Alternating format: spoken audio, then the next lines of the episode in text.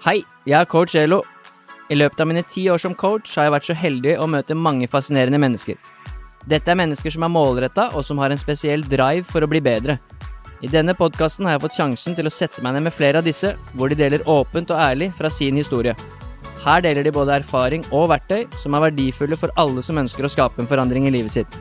Har du et mål eller et ønske om å forandre noe i ditt liv? Da er denne podkasten for deg.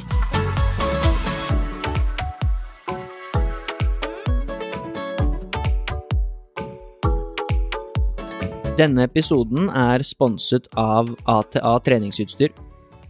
Mine gode venner i ATA de liker å se på seg selv som drømmere. Og de selger treningsutstyr, men eh, gjennom å gjøre det, så føler de at de får muligheten til å oppnå noen av sine største ambisjoner. Og det er nettopp det, å inspirere til trening, og ikke minst gjøre trening mulig for folk flest. Og så kan du kanskje si at det er litt eh, flåsete, men i ATA så er man veldig opptatt av å ta vare på hverandre, og ikke minst være gode eksempler på det. Og noe av det mest grunnleggende vi kan ta vare på, er jo helsa vår, og gjennom å selge treningsutstyr så føler ATA at de kan bidra til en bedre helse, og kanskje også til at verden blir et litt bedre sted å være. I tillegg til det så er de veldig opptatt av å ha det gøy, de er opptatt av å sette pris på de menneskene som er med på reisen, på alle kundene sine og alle de menneskene som de også velger å gi tilbake til. Og jeg er jo så heldig at jeg er en av de, og jeg setter stor pris på at ATA bidrar inn i min podkast og gjør det mulig for meg å drive med dette. Så ønsker dere noe mer informasjon om ATA treningsutstyr, så kan dere gå inn på hjemmesiden deres, atatreningsutstyr.no, eller dere kan sende de en DM på Instagram. Dere kan også sende meg en DM, og så skal jeg sørge for å videresende dere til riktige personer i ATA som jeg vet vil ta godt vare på dere, og svare på alle spørsmålene dere måtte ha. Så tusen takk til ATA treningsutstyr for den fantastiske jobben dere gjør, og for alle menneskene der ute som dere hjelper, og som dere gir tilbake til. Velkommen til en ny episode av Coach Elo med gjester. I dag så har jeg med en gjest som er sterkere enn meg, og hun driver med crossfit. Er en av Norges beste crossfit-utøvere, verdensmester i functional fitness to år på rad, og tok sølv i CrossFit Games i 2021, tidligere i år. Hun heter Ingrid Hodnemyr, og velkommen til deg. Tusen takk, veldig gøy å være her. Hvor er vi hen nå? Nå er vi på CrossFit Asker, i nye lokaler der, veldig bra. Det er første gang du har vært her. Første gang. Men de har vært åpent i et år, du veit det? Ja Det er langt da fra Oslo til Asker. Nei, det er jo ikke det heller. Nei, jeg har ingen unnskyldning. Nei, du Men er jo en... veldig glad for å være her. Ja, vi kan jo ta det med en gang, for du er jo sponset av ATA. så du er en ATA-atlet. Yes. Asker treningsutstyr. Mm. De holder jo til rett her nede, så det er jo på tide at du er i lokalet. Helt enig. Veldig hyggelig å møte alle her. Ja, du fikk jo møtt uh, mange av de som jobber i ATA i stad. Mm. Så nå har vi hatt en treningsøkt sammen. Jeg er veldig glad for at eh, det var eh, restitusjonsdag, Yes, det er jo torsdag, da. Mm. og da har du restitusjon på plan. Ja. Hvilken økt var det vi gjorde? ja. Vi endra litt, grann, da. men vi kjørte en EM om 40. Altså hvert minutt så gjorde vi en ny øvelse. Først eh, bike, så ro, så ski, og så burpees. Da Ja. gjorde vi tolv repetisjoner da, på alle apparatene. I 40 minutter. I Så det var ti runder. Og det var ikke en restitusjonsøkt for meg. Jeg si var. Nei, du jobba bra, Ja. men det var ikke noe problem. Nei, jeg kom gjennom det på 12 kalorier og 12 reps. Men jeg var ikke sone to. Nei, men som var målet. du lærte noe nytt, da. Ja. Du lærte jo at eh, på burpees så lønner det seg av og til å ha litt eh, bredere avstand på beina, Ja. og strekke ut. Når du er så høy som det jeg er, så, så er det viktig å være litt rask, for jeg er så lang vei ned. Ja. Men uh, jeg lærte også at det er fordel å trykke på romaskin og stakemaskin før du begynner. Ja. Det gjorde ikke jeg før runde ti. Nei, på runde ti, da var du på. Endelig. Da du setter deg gjorde det 39 ganger. ja. Men jeg var så sliten, så jeg rakk ikke bort. Men, for jeg tapte mye. Det hadde jo fort gått sju-åtte sekunder før jeg hadde fått en eneste kalori. Yes. Litt dårlig gjort kanskje av meg å ikke si ifra, men eh, sånn er det. Men det er jo greit at det er litt forskjell på en som er verdensmester, og meg. Ja, heldigvis. Det- heldigvis. Det syns jeg er helt greit. Men uh, før vi begynner å prate litt om deg, Mm, så har vi, må vi ta noen fun facts. Ja. Det er gøy. Jeg har jo egentlig ingen, da, men det dukka opp noen underveis. så rett før, ganske rar. rett før vi starta, så sa du at du var litt sånn snufsende og tett i nesa, Mm, og at du måtte ta litt nesespray før vi begynte. ja. Så du fant fram nesespray borti bagen, og du er jo avhengig av det. Ja. Ikke bli som meg. Eh, Det er ikke bra. Men eh, ja, nesespray hver dag, hver kveld. Hvis ikke så har jeg ikke sjans til å sove.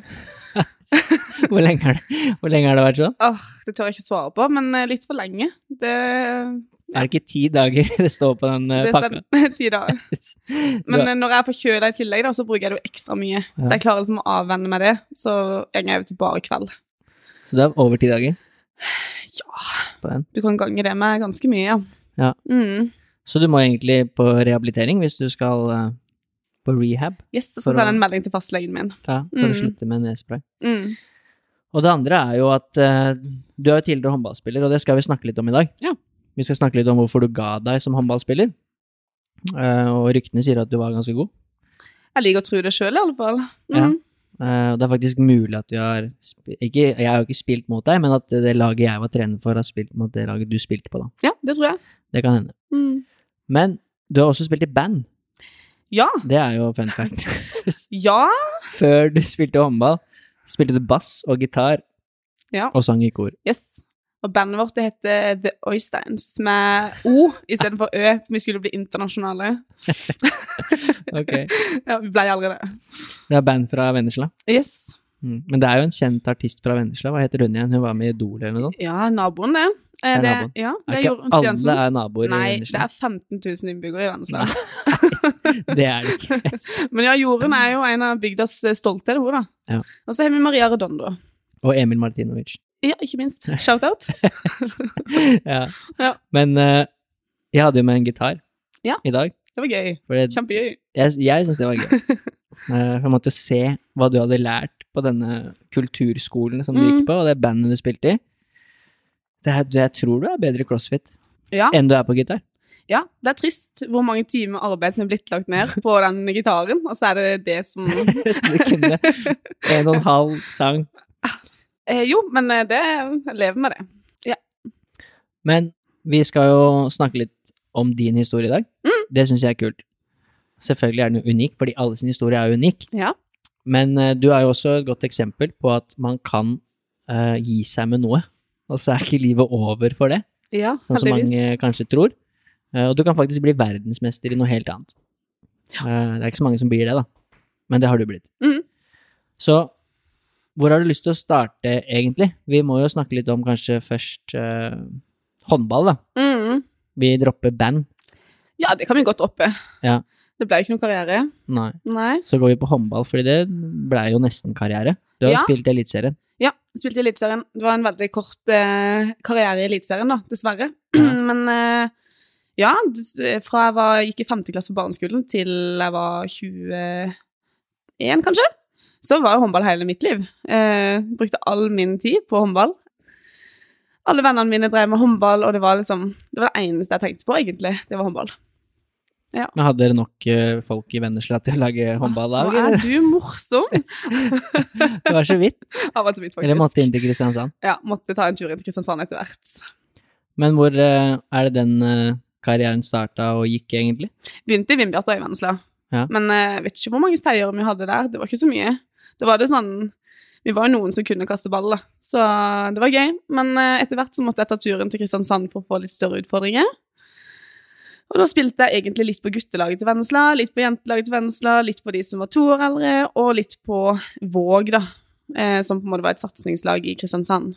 Eh, så det er jo klart at det ble jo altfor mye. Men jeg syntes det var så gøy. Og så etter hvert så måtte jeg jo kutte ut Vennesla, da. Og da ble det bare Kristiansand. Så da var jeg litt i Våg, eh, litt med Vipers på trening og sånn. Og så mm, med AK28, da, eh, som er i Kristiansand. Du spilte på alle disse lagene samtidig? Nei, da var jeg liksom fra én til én. Ok, Mm. innom litt forskjellig. Så du har spilt kanskje med noen som er i Vipers nå, eller? Åh, er det så mange av de som er igjen, da? Jeg vet ikke. Jeg Vilde, vil det, vil ja. Vilde Jonassen? Mm, stemmer. Karoline Vilde Olsen. Karo. Karoline Olsen. Mm. Hun har jo vært skada en stund. Ja, stakkars. Eh, men du spilte i Eliteserien for Nordstrand. Ja. Det er seinere. Spilte aldri Eliteserien for Vipers, eller? Nei, kun treningskamper, og Ja. trente meg de to-tre ganger i uka. Ja. Men eh, Nei, så flytta jeg til Oslo, da, og fikk eh, Peder Langfelt til å eh, ordne meg en kontrakt i Oslo.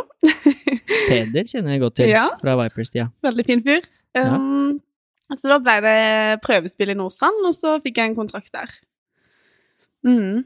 Men det ble ikke så lang karriere. Nei, det er litt bittert, men jeg begynner å komme over det. Ja. Ja. Vi skal snakke om det nå, hvert mm, øyeblikk. Mm. Men aller først, du spilte på Vindbjart. Ja. Jeg har spilt veldig mange fotballkamper mot Vindbjart, Mot Vindbjart. Mm. for de hadde ok andredivisjonslag. Mm. Og så hadde de en spiss som skårte veldig mye mål. Ja. Veit du hva han heter? Gausdal. Ja. Ja. Han var ganske god. Ja, Han var bra. Det er det, det eneste minnet jeg har med Vennesla. Ja, men eh, de var ordentlig gode en periode der. Ja, de var det. Mm.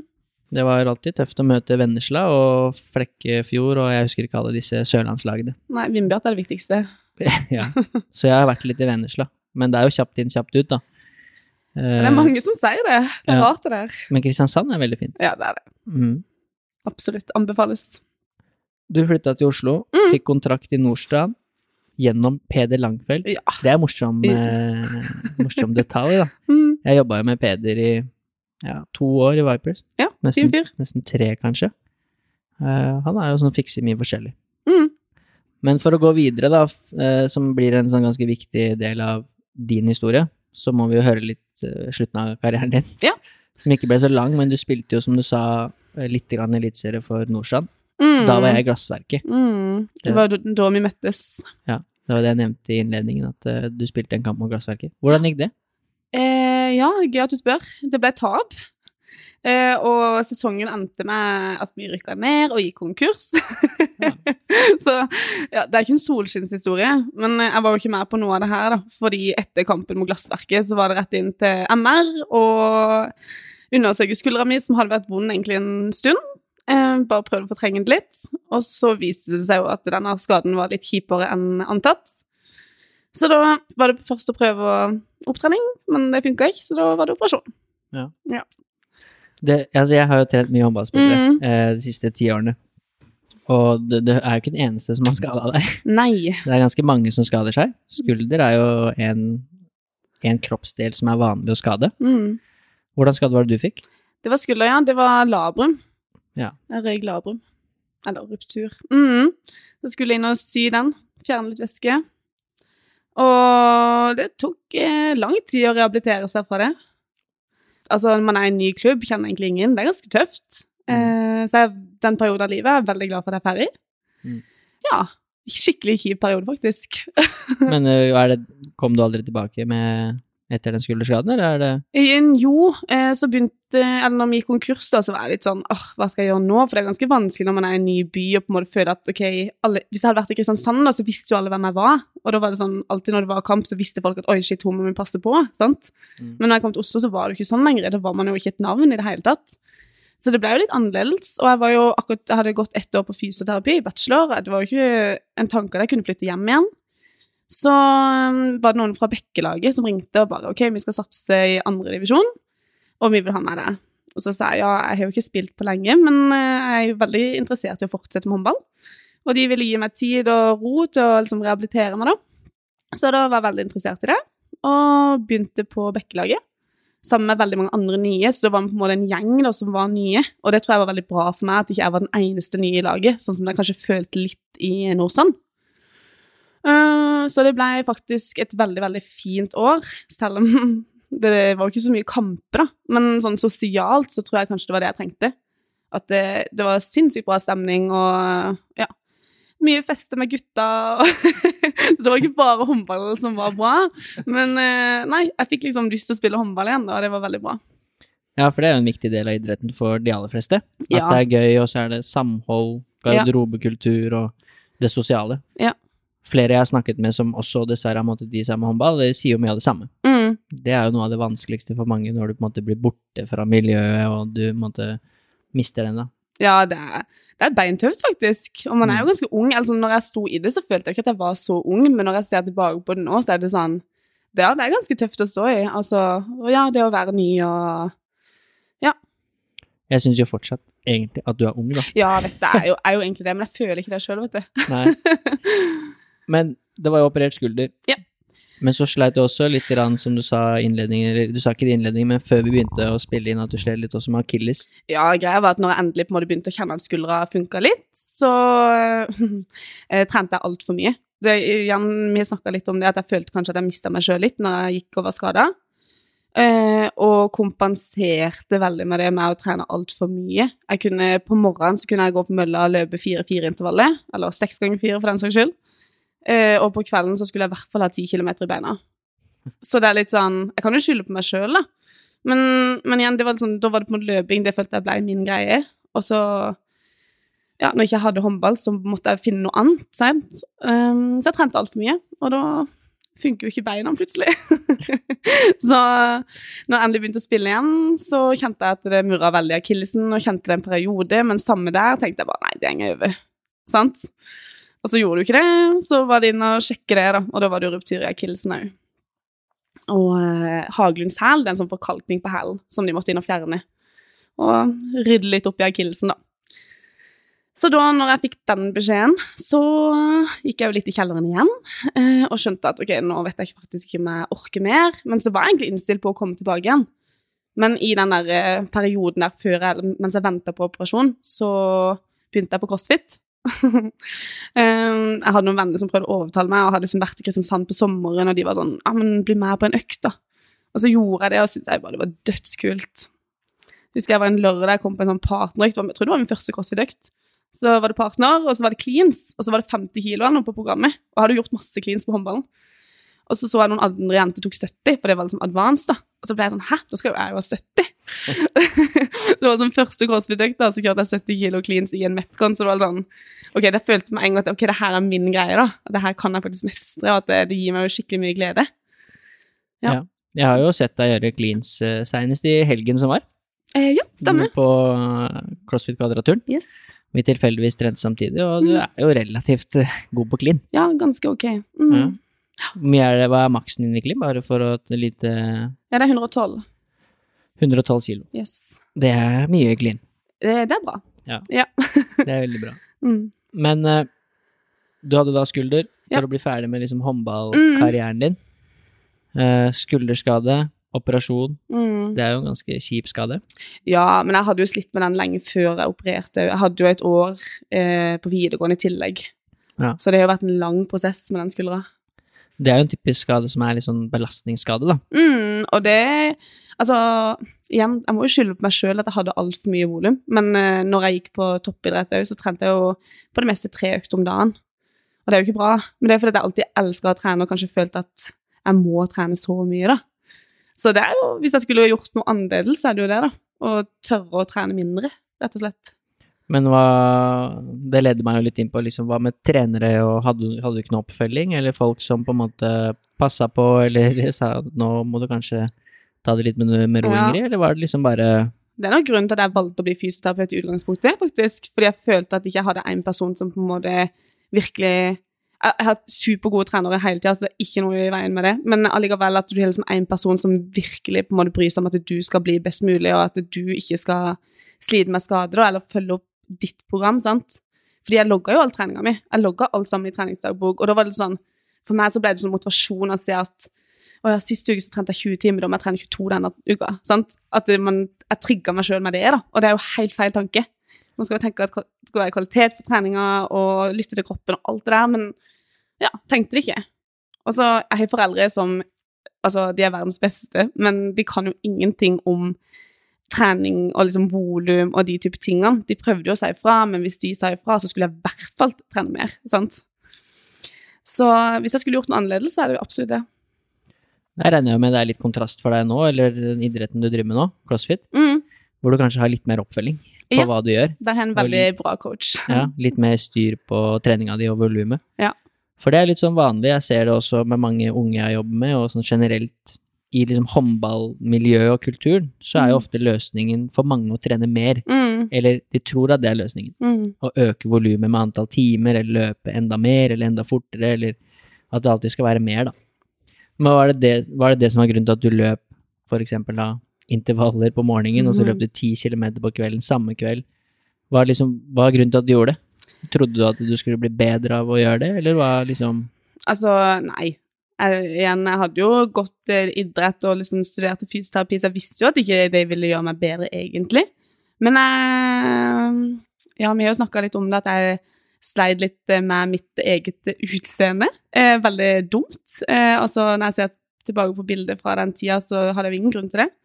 Men eh, jeg følte meg alltid stor. Eh, når jeg var liten, så var jeg alltid høyest, og hvis jeg så noen bilder der kanskje jeg var helt fornøyd, eller at lårene mine er så store, da, det var mye sånn det gikk i, så tenkte jeg at oi, for å få mindre lår, så må jeg løpe mer, sant? At liksom, det var derfor jeg trente mye, da.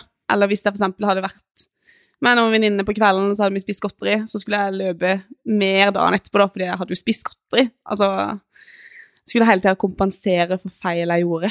Um, og det er jeg jo veldig lei meg for i dag. At eh, jeg har hatt et sånt syn på meg og kroppen min. At jeg ikke har følt at jeg var god nok som jeg var, da. Liksom, Istedenfor å se på prestasjonen min og alt jeg fikk til, så så jeg på utseendet mitt. Ja, det tror jeg også dessverre er liksom mange der. jeg tror det er mange som kan kjenne seg igjen i det. Ja, det er veldig trist. Ja, det er jo Mm. dumt at det er sånn, men sånn er det jo ikke nå. Så du har jo på en eller annen måte også lært deg det, eller i hvert fall Du har jo et annet syn på det nå, Ja. vet jeg. Ja, Eh, fortsatt litt anstrengt, men, eh, men eh, veldig, veldig mye bedre. Og nå vet jeg at ok, det er en dårlig dag. Det er ikke liksom meg som er dårlig. At liksom jeg kan klare å se litt mer Ja, at ikke det er så farlig, da. sant? Jeg går ikke i kjelleren bare fordi jeg føler meg litt eh, oppblåst ennå, hvis du kan si det sånn, da. Men jeg syns det er veldig interessant, fordi at det er det i min jobb, når du jobber med utøvere, Mm. ikke nødvendigvis på høyt nivå, men utøvere som bruker veldig mye tid på idretten sin, og du jobber veldig tett med dem over tid, Mm. så har jeg jo merka mange år at det er veldig mange sannheter der ute i hodet på folk, Mm. og ofte så er det jo falske sannheter som blir veldig ekte for de, da. Som for eksempel at jeg er for høy, eller jeg er for stor, eller jeg er for liten, eller Det er veldig mange sånne ting som jeg tror mange kan kjenne seg igjen i. Jeg kan ikke bli god fordi jeg er bare 1,65, eller Mm. jeg kan ikke bli god i crossfit for jeg er altfor høy. Mm. Det er veldig mange sånne sannheter, og da blir du veldig begrensa. og selvfølgelig blir det enda verre hvis du da går utover selvfølelsen din, og hvordan du ser på deg sjøl, og Mm. du kanskje går utover at du føler at du ikke er verdt noe og sånne ting. Ja. Da blir begynner det å bli ganske kjipt, da. Ja, det tok jo litt overhånd da når jeg på en måte ikke kunne spille håndball, ikke kunne gjøre de tingene som jeg på en måte elsker, da.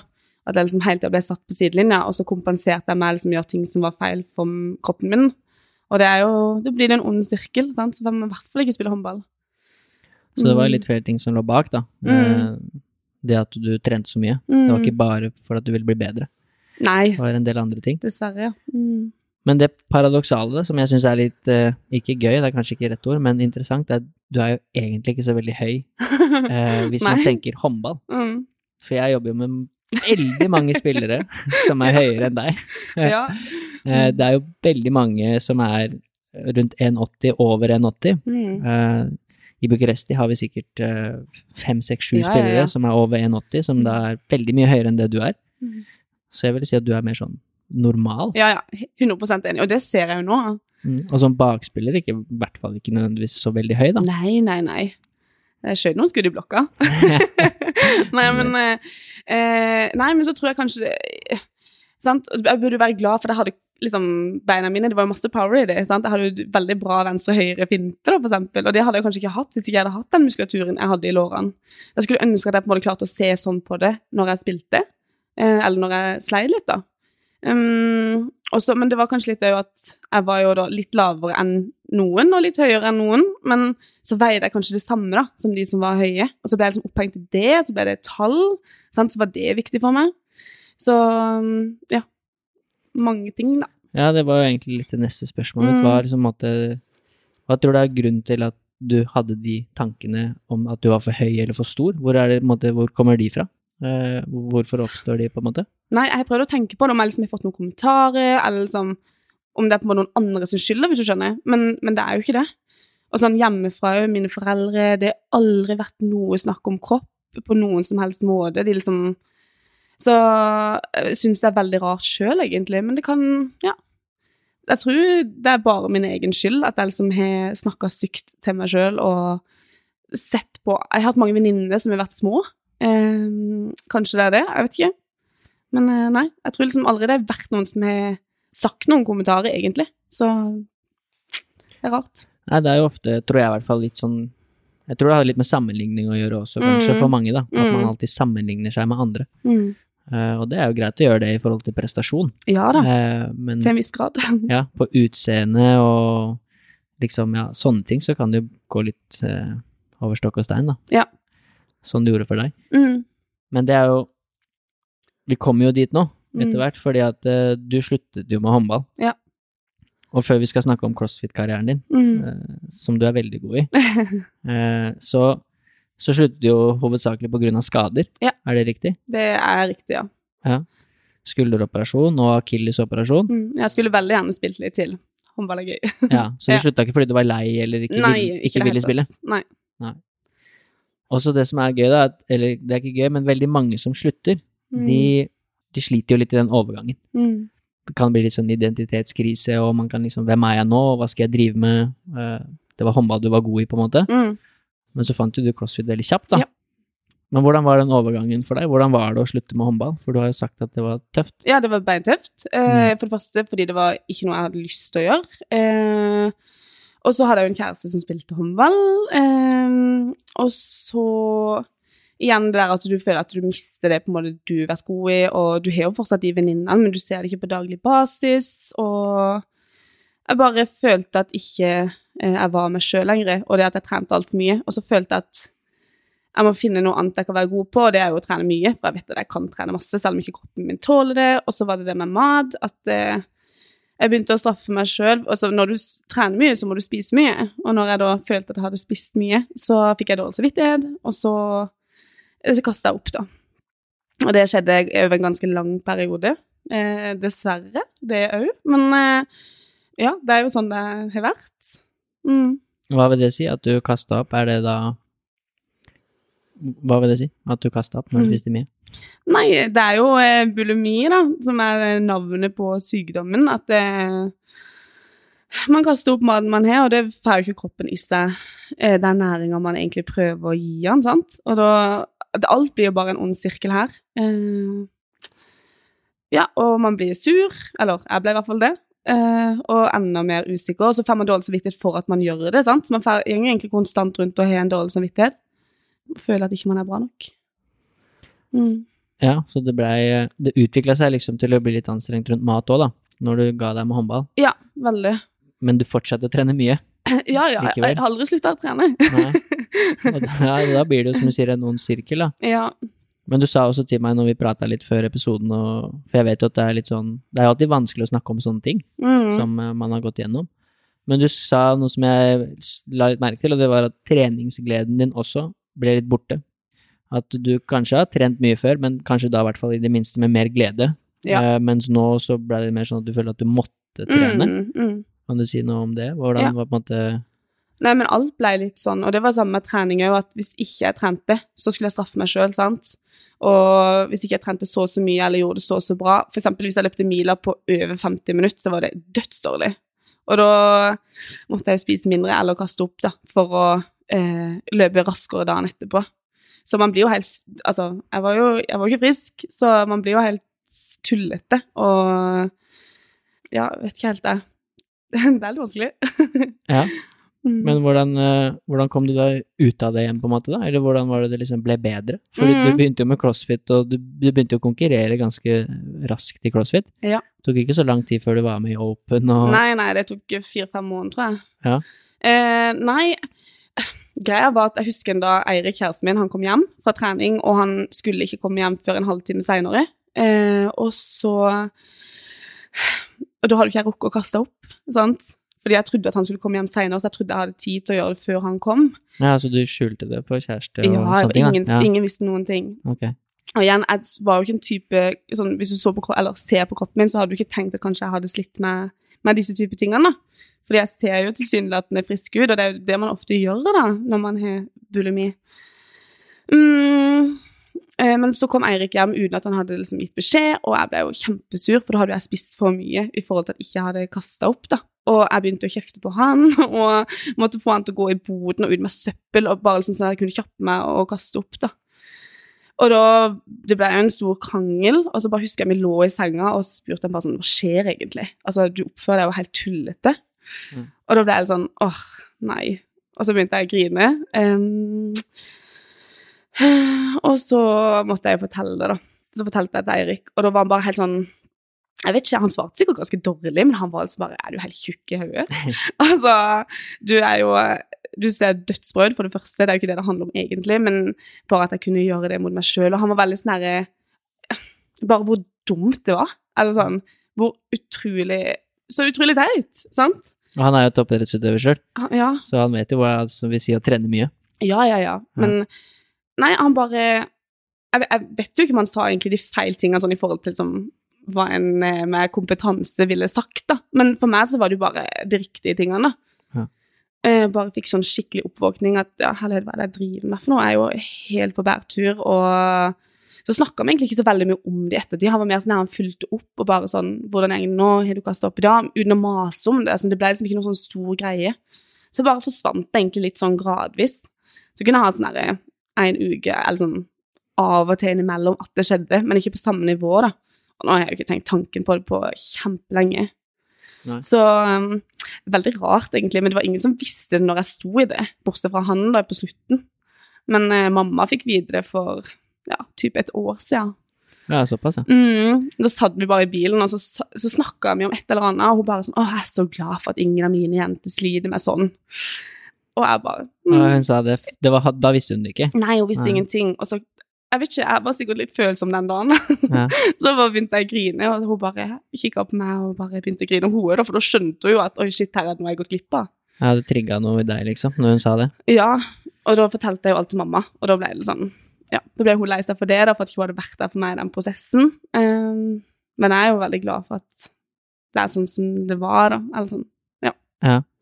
Jeg har jo hatt med en i episode før Ja. som snakker om spiseforstyrrelser. Kristiane Stormoen. Ja, jeg kjenner Kristiane. Ja. Mm. Så hun er jo også ernæringsfysiolog, Mm. eller master i ernæring, er det vel, og så har hun tatt noe videreutdannelse. Men uansett, hun Jeg vet jo ikke forskjellen, eh, sånn definisjonen på disse forskjellige Mm. typer spiseforstyrrelsene, men eh, hun brukte jo veldig lang tid på å bli frisk, Mm. og trengte jo også hjelp for å bli Ja. frisk, da. Ja.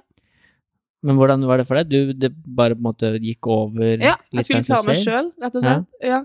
Eh, Jeg hadde aldri, oppsøkt aldri noe hjelp, og jeg synes liksom eh, Det har jeg egentlig syntes ganske lenge, og det er kanskje derfor mange ikke vet om det. At jeg på en måte jeg skammer meg litt over det. Og sånn som Mm. jeg sa til deg, at jeg ikke har hatt lyst til å vise svakhet. Og at jeg ikke har lyst til at det skal være normalt, fordi det er jo ikke normalt sånn egentlig. Men eh, allikevel så er det jo skal være akseptert og noe man kan snakke om. Uh, men uh, jeg vet ikke. Jeg er sikkert litt sånn at jeg prøver å skjule ting hvis jeg har det vanskelig.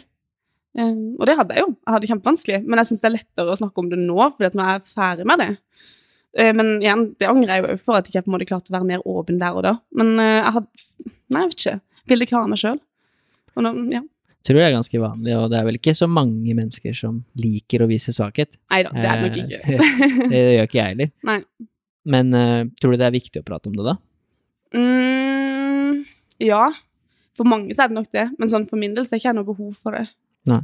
Uh, egentlig ikke. Men jeg tror bare det er viktig å vise forståelse, kanskje. Og tenke litt over hva man sier. Fordi jeg merker fortsatt at jeg kan være ganske sånn skjør på enkelte kommentarer, f.eks. om vekt. da.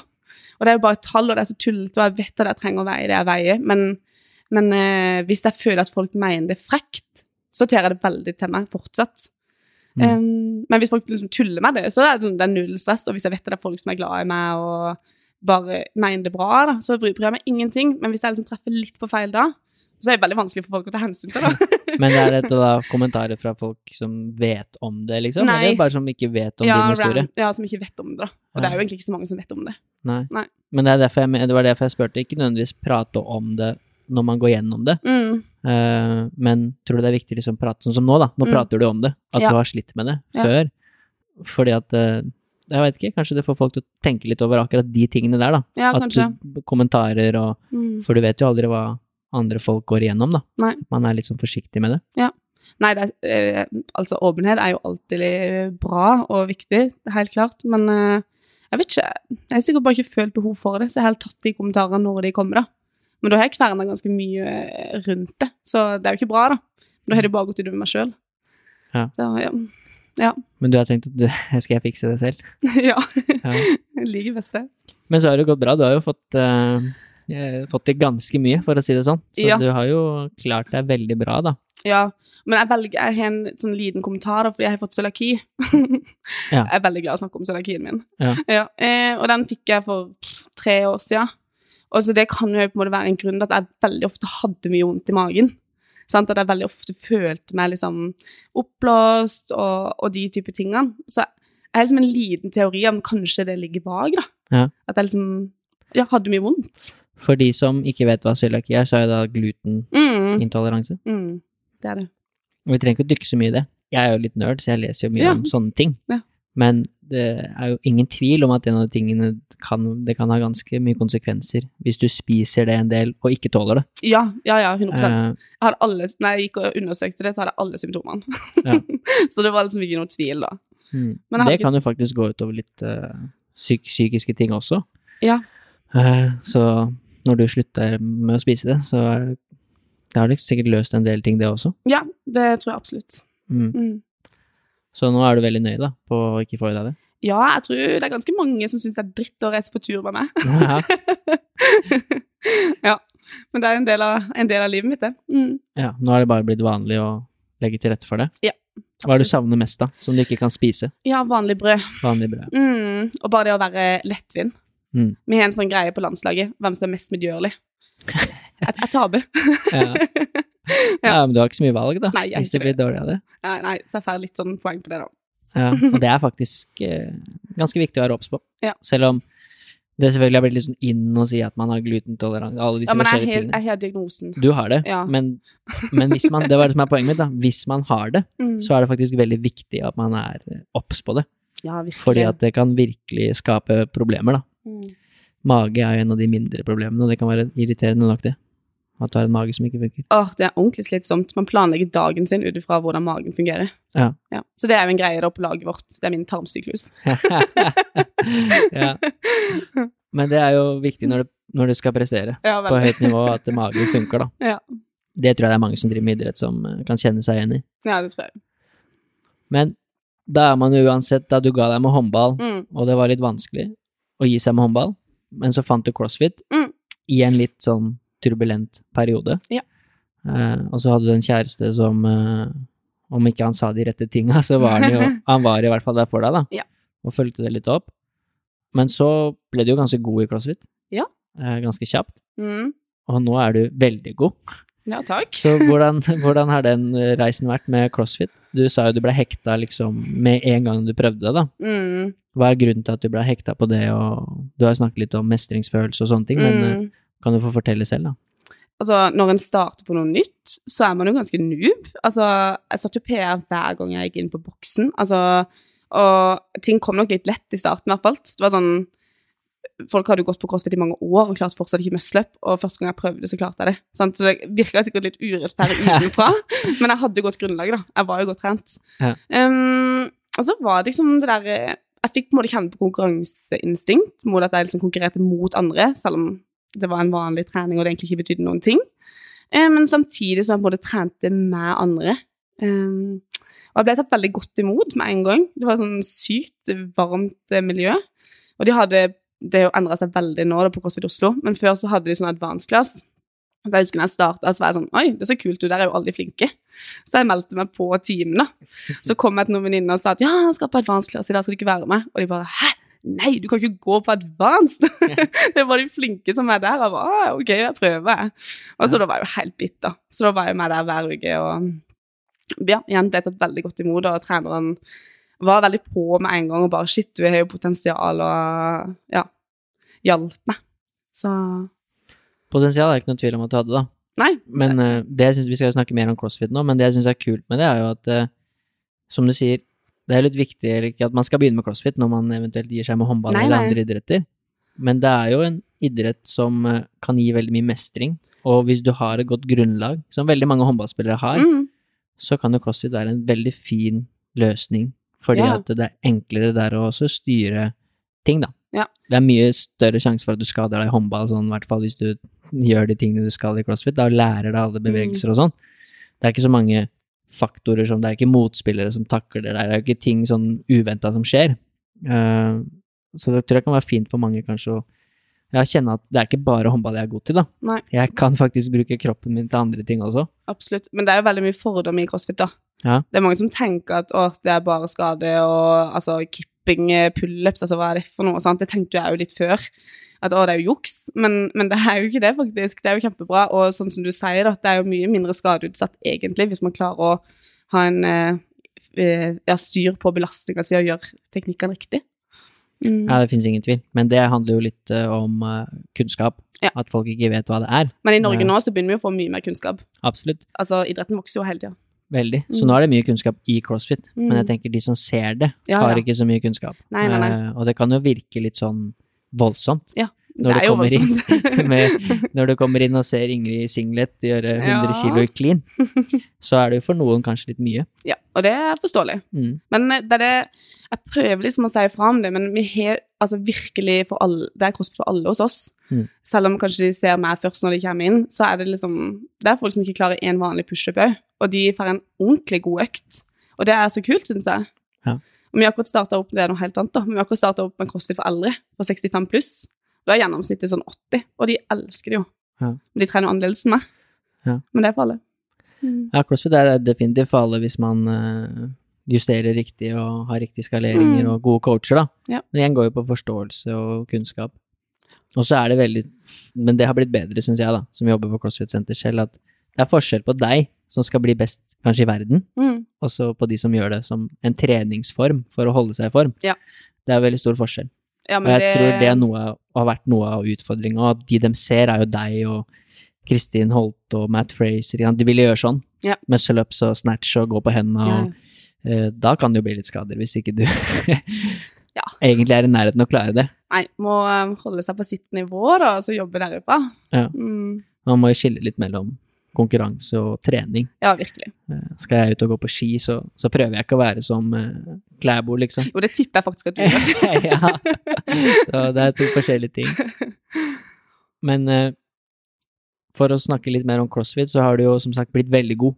Og rettere sagt så er det jo Du kan jo få lov til å forklare forskjellen på functional fitness og crossfit etterpå, hvis du vil det, for det er mange som lurer, kanskje. Men du er verdensmester i functional fitness Ja. to ganger. Eh, ja, pluss én online. Pluss en online. Mm. Uh, og ifølge deg selv så er du ikke sånn veldig imponert over det sjøl, for at nivået ikke er så høyt, men du er verdensmester. Ja. Men så har du sølv i CrossFit Games, Mm. og der kommer du ikke utenom at det er ganske imponerende. Nei, det er jeg veldig stolt av. Ja. Mm. Jeg er stolt av VM òg, altså. Ja. Men i Games er det høyere nivå, da. Ja. Men eh, ta det først, da. Hva er forskjellen på functional fitness og CrossFit? Ja, det er et vanskelig spørsmål, faktisk. Eh, Mm. Men uh, den største forskjellen er jo at CrossFit er et AS, sant? det er en merkevare. Eh, masse penger. Mens functional fitness det er en idrett. Det kan potensielt bli en OL-gren. Og det er jo målet at det skal komme seg inn i OL. Så det er på en måte mye mer sånn regler å forholde seg til i forhold til at det er en idrett. Så når vi er på landslaget, så er vi på landslaget functional fitness, for det er under Norges idrettsforbund. Mens CrossFit har ingenting med det å gjøre, for det er et AS. Um, så man betaler liksom for å drive med CrossFit for det er en merkevare. Så det er jo den største forskjellen. Og så at uh, functional fitness der er mer satt, at du skal gjennom seks tester i løpet av en helg, og det er liksom en power test, en endurance test, en styrketest osv. Mens det er ikke med CrossFit, der er det jo expect the unknown. Ja, det kan være alt mulig. alt mulig. Ja. Hva er det som er mest gøy å drive med, da? Eller er det noe forskjell? Eh, Nivået er jo selvfølgelig da litt annerledes, som du sa. Ja, eh, CrossFit er gøyest. Ja. 100 Og hva er grunnen til det? Er det for at det er bedre utøvere, eller er det Litt begge deler. Egentlig så føler jeg på noen ting så føler jeg passer bra til å drive med functional fitness. At testene er litt mer spesifikke. Men samtidig så har jeg noen hull fortsatt som er ganske store, og der faller jeg gjennom i functional fitness. Um, og det er sånn når én test er ren bodyweight-test, skill-test, så syns ikke jeg det er så veldig gøy. Da skulle jeg gjerne hatt kombinert med litt roing eller liksom litt tunge ting. Ja. Og det kan man få i crossfit, da. Der kan man få muscle-up og tunge cleans. Og da, liksom, da syns jeg muscle-up er gøy. Ja. Så jeg syns crossfit er gøyest. Så ja, der forklarte du litt forskjellen. Men de beste i Norge, da, som driver med crossfit, Mm. mange av de driver jo også med functional fitness. Og de beste i crossfit er de beste i functional fitness. Ja. Så Kristin Holte, som har vært den beste crossfit-utøveren i Norge mange år, Ja. vant jo VM Ja. i Og NM. functional fitness og NM. Mm. Så de driver med begge deler, da. Men uansett, det er veldig kult at det har blitt en idrett, Og det er veldig gøy at eh, det har blitt landslagssamlinger, og at man kanskje får litt støtte og stønad og Men det er Sånn bare Norge. Norge Det var Norge. som har liksom danna et landslag og på en måte gjort en stor greie ut av det. Så Ja. det er veldig, jeg håper de andre landene ser på oss, da. Fordi jeg tror det er begrensa hvor mange år Norge på en måte kan holde på å stille opp i VM da, uten at de beste blir med. Mm. For det er ganske sånn Altså, det er jo alltid gøy å konkurrere, det er alltid gøy å forberede seg til konkurranse, men vi ønsker at de beste skal stille opp. Så jeg håper at liksom, de andre landene kanskje ser mot oss og ser at ok, men de beste i Norge stiller faktisk, og det er kult, og ønsker å gjøre det samme. Ja, for det er jo vanskeligere å kvalifisere seg til CrossFit Games Ja. enn VM i functional fitness. Det er det. Ja. Men det er jo uansett kult at Norge gjør det, og det er jo veldig mange gode CrossFit-utøvere i Norge nå. Spesielt på damesida. ja, på damesida så begynner det å bli helt sykt. Ja. Så jeg begynner å kjenne på det. Det er jo ganske mange som er potensielle for å klare den Games-billett der. Eh, ja, det er veldig gøy. Mm. Det var kult hvis vi var mange norske som reiste. Ja. Mm. Men du satser fortsatt på team, da? Ja, jeg er nok en teamutøver. Eh, jeg kan godt konkurrere litt individuelt, men eh, hvis jeg kan velge, så velger jeg team. Ja. Mm. For det, er- du tok jo sølv, som vi sa i stad, i CrossFit Games. Ja. Men for de som lurer, det er jo ikke alle som har så god innsikt i CrossFit som hører på, tror jeg. Nei. Men det er, du gjorde det da i team, Ja. og da er du på lag med to, tre andre. To gutter og to jenter, da. Det stemmer. Mm.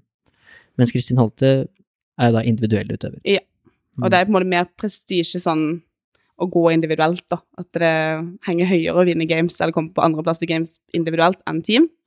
Eh, men eh, ja, for oss var det utrolig stort da, å komme på andreplass med teamet. Det er veldig kult. Ja. Jeg syns det er veldig gøy å følge med. Jeg, ser jo på, jeg har sett på CrossFit Games siden 2011, Ja, så jeg har holdt på ja. en stund. Og den sporten har forandra seg mye. Ja, da har du vært med på veldig mye, da. Eller utviklinga. Ja, jeg har jo kjent Sorush Yosani siden 2011, så jeg ble introdusert for CrossFit da. Ikke sant? Så jeg lærte min første muscle-up i sånn rundt der en gang. Eh, på sånn eh, dårlig sånn Det var ikke en eh, pull-up bar som du har, det var ikke en rigg, for å si det Nei. sånn. Men det har utvikla seg mye siden den gang. Ja, heldigvis. Veldig. Men Mm. det jeg skulle si, var at i games nå, i team, så er det jo ganske mange gode individuelle utøvere som har gått over til team. Ja. Og de som vant, de har jo et par som har vært relativt gode individuelt før, da. Ja, de betaler jo folk for å flytte til det i USA. For, Ja. for da er det sånn at man må trene på samme gym for å stille lag. Mm. Eh, og de gjør det, da. Så det var veldig, veldig mange sånn både europeere og òg folk fra USA som heide på oss. For de syntes at det var så kult å se oss da, som på en måte var et originalt lag, og at vi på en måte hadde gjort alt fra grunnen, at ikke vi liksom var et kjøpelag, typ. Mm. Og det er jo hyggelig. Kjøpelag, ja. Ja. Hvem er du der på lag med, da? eh, I Games var jeg på lag med Eivind, eh, Lena og Marius. Ja. Og de trener alle inne på CrossFit Oslo. Yes. Mm. Mm. Ja, det er kult. Men det var et annet norsk lag som var med, var det ikke det? Jo, det var et lag fra Bergen. Ja. Mm, og så var det en norsk ei på et dansk lag. Ok. Så vi var en del. Hvordan gikk det for de fra Bergen, da? Jeg fikk ikke med meg det. Burde vite? Eh, jeg lurer på Det var jo sånn utslag, så det røyk ut ti og ti lag. Da, så til slutt så sto det bare igjen ti lag. Men jeg lurer på om Bergen ble 21, kanskje? Så de klarte akkurat ikke den siste, eller en av kutta. Ja. Mm. Men øh, når du skulle delta i Games i år, da, mm. og dere tok jo sølv, Mm. så fikk du en skade ja. egentlig rett før CrossFit Games? Eller kvalifiseringa til det? Hva skjedde? Eh, nei, greia var at eh, vi hadde eh, Det var jo covid. Det var jo egentlig lockdown, og jeg hadde vært så heldig å få lov til å trene inne pga. landslaget. Og så skulle jeg kjøre noe NM-kvalik, tror jeg det var. Og så hadde jeg gjort det, og så skulle jeg bare gjøre noe snatch. Og så plutselig kjente jeg bare Jeg filma det, da. Og så plutselig kjente jeg bare at nå røyk skuldra i catchen, eller liksom, i landinga på en eh, snatch. Og så ble jeg skikkelig kvalm. Ehm, så tenkte jeg bare ah, Nei, nei, det var liksom jeg, Det var ikke noe. Det var ikke farlig. Bare rista det og prøv igjen. Og så hadde jeg ikke sjans. Mm, men jeg fortsatte treninga, da. jeg bare droppa snatch, og så gjorde jeg liksom bøy og de andre tingene jeg skulle gjøre, da, som ikke gikk på skulder. Og så prøvde jeg liksom ikke å stresse og bare tenke at ok, det gjør vi i morgen. Og så våkna jeg opp dagen etterpå. Jeg hadde ikke sovet fordi det verka så. Og det er jo samme skulder som jeg har operert før. Ehm, så våkna jeg opp og skulle trene på morgenen, eh, men jeg bare grein.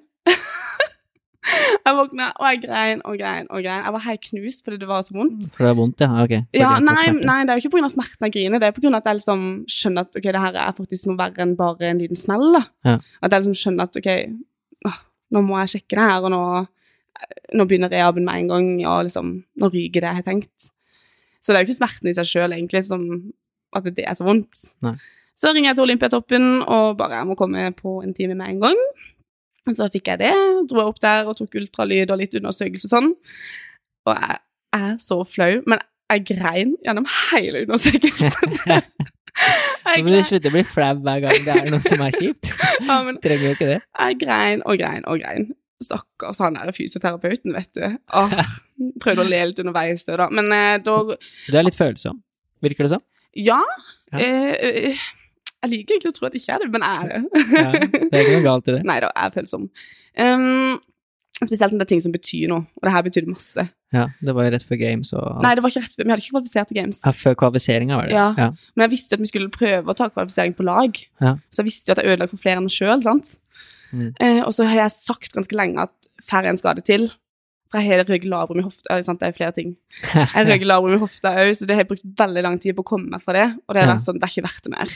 Jeg skal ha den kroppen her lenge, og hvis det kommer en ting til nå, er jeg ferdig.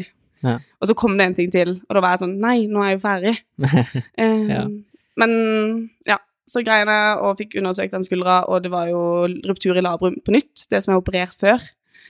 Og da var det liksom snakk med en gang om det skulle bli operasjon og, og så videre.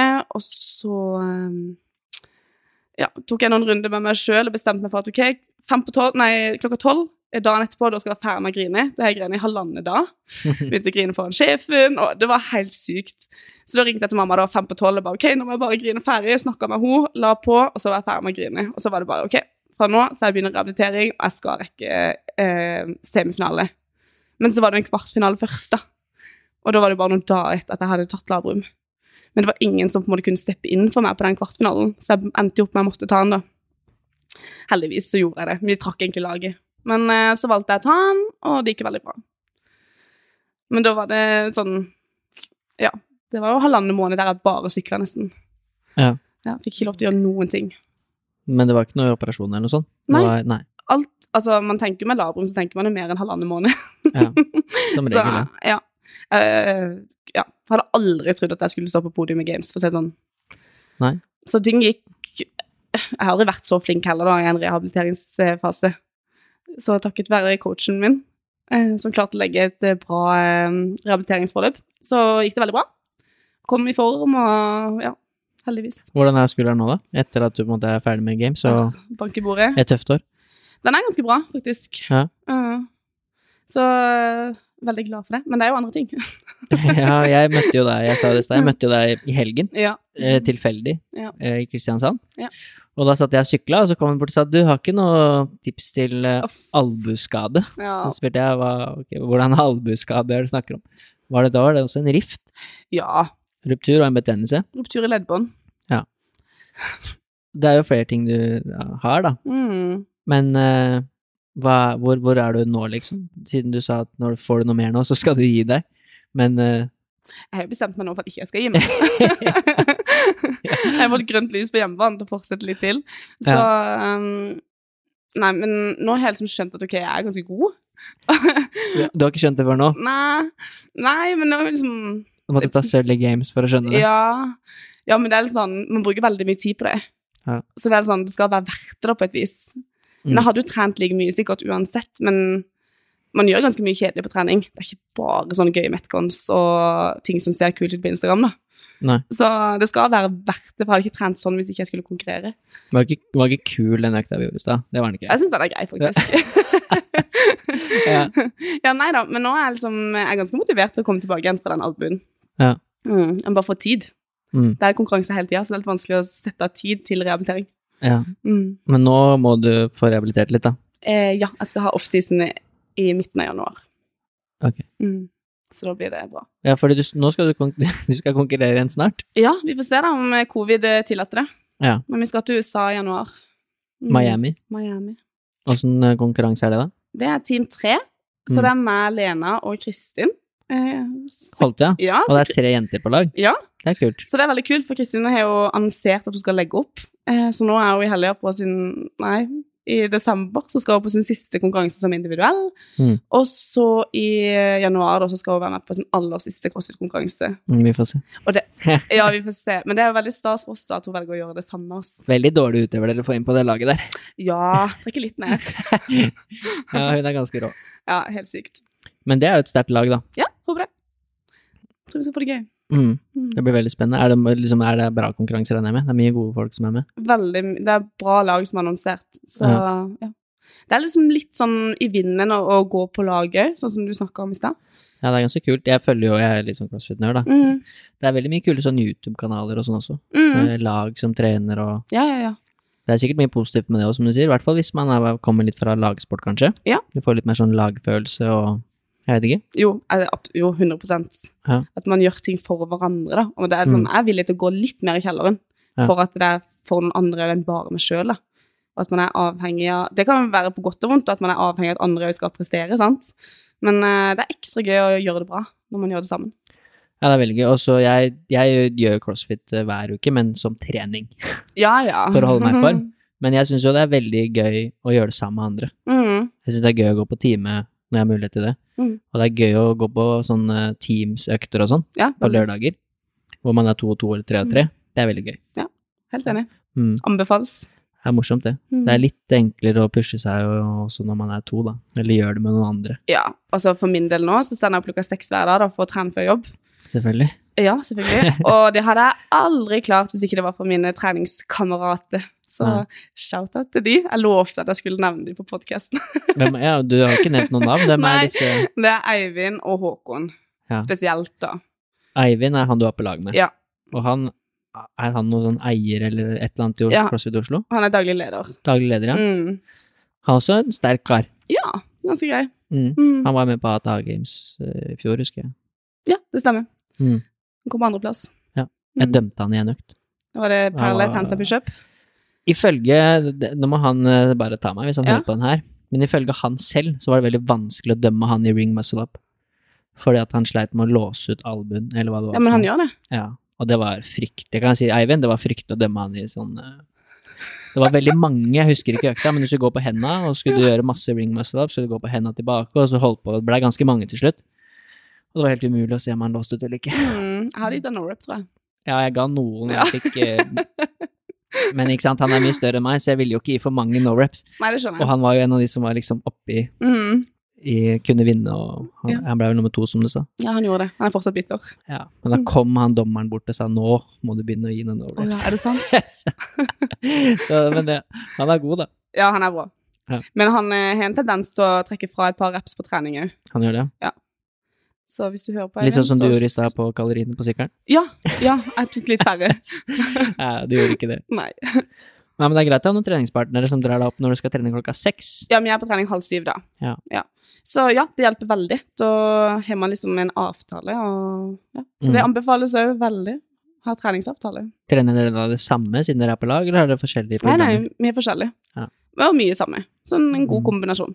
Det er fint å trene noe liksom, harde metcons sånn sammen for å få en push, men så er det ikke alt man skal pushe alltid. Og da er det Mm. fint å på en måte gjøre styre litt på for seg sjøl. Ja. Mm. For at dere er jo et lag, så når dere er i games, da, så er det to gutter og to jenter. Ja.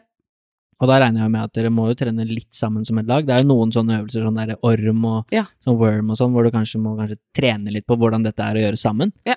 Men så er det jo individuelle, altså dere har jo forskjellige svakheter, regner jeg med. Mm. Så dere må jo sikkert også trene mye individuelt, da. Mm. Ja, vi fikk jo veldig masse erfaring i år av å være i games. For det første bare hvordan alt fungerte. Altså det er mye Mm. venting, og hvor stort alt er, og sånn. Men vi så jo på en måte at ok, Eivind må bli bedre på wallwalks, jeg må bli bedre på pegboard, alle må bli bedre på svømming. sant? At man får litt sånn innblikk i hvor vi mangler noen ferdigheter, da. Mm. Og òg noen ting sånn team, da, sånn bob. Det er en sånn stor greie som man skal pushe.